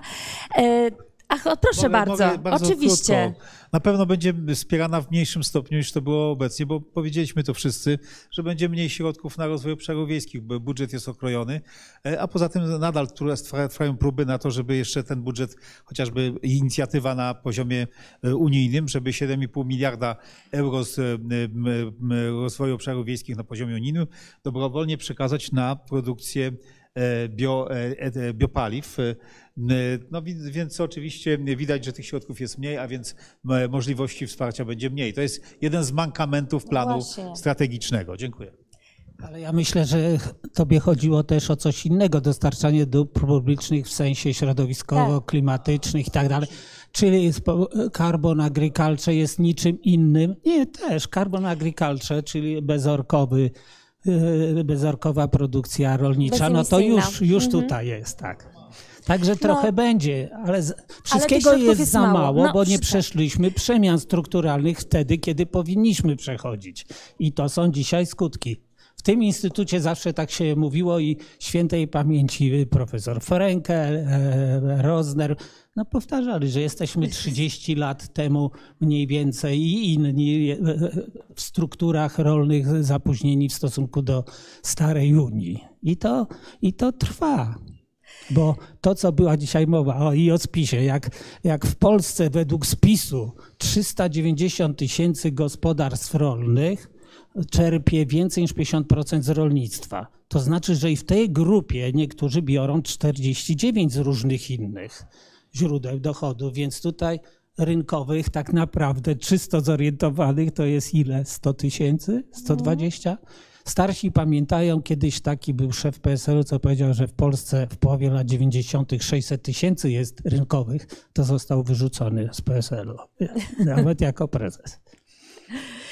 Dziękuję bardzo. Dziękuję bardzo e, panom za tą bardzo e, ciekawą dyskusję i oczywiście e, uczestnikom na sali, bowiem ta interakcja i wpuszczenie uczestników w środku dyskusji może trochę rozbiło pomysł na, ale, na, na poukładany, ale dobrze wyszło, bo zdynamizowało nam, nam dyskusję, więc bardzo Państwu dziękuję, osobom zabierającym głos tu z sali, pani profesor Halamskiej, panu profesorowi Gorzela E, pani doktor Śpiewak, pani profesor Marks Bielskiej, ale przede wszystkim gorące podziękowania dla panów, e, dla pana doktora e, Jerzego Plewy, dla pana profesora Walentego Poczty, dla, dla pana Grzegorza Brodziaka i dla nieobecnego tutaj pana Rafała Mładanowicza.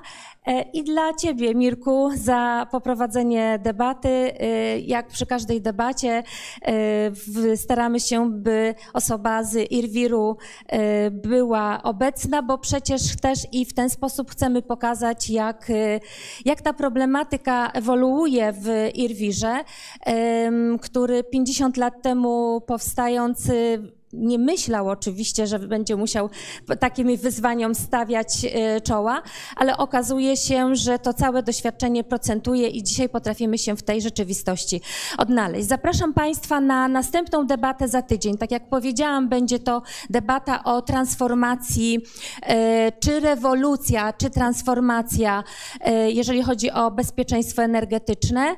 Ona, ona absolutnie nie występuje w kontrze do bezpieczeństwa żywnościowego, jest komplementarna molekularne i będziemy chcieli tą, tą, tą tezę z, również potwierdzić. Transformacja czy rewolucja, energia wsi.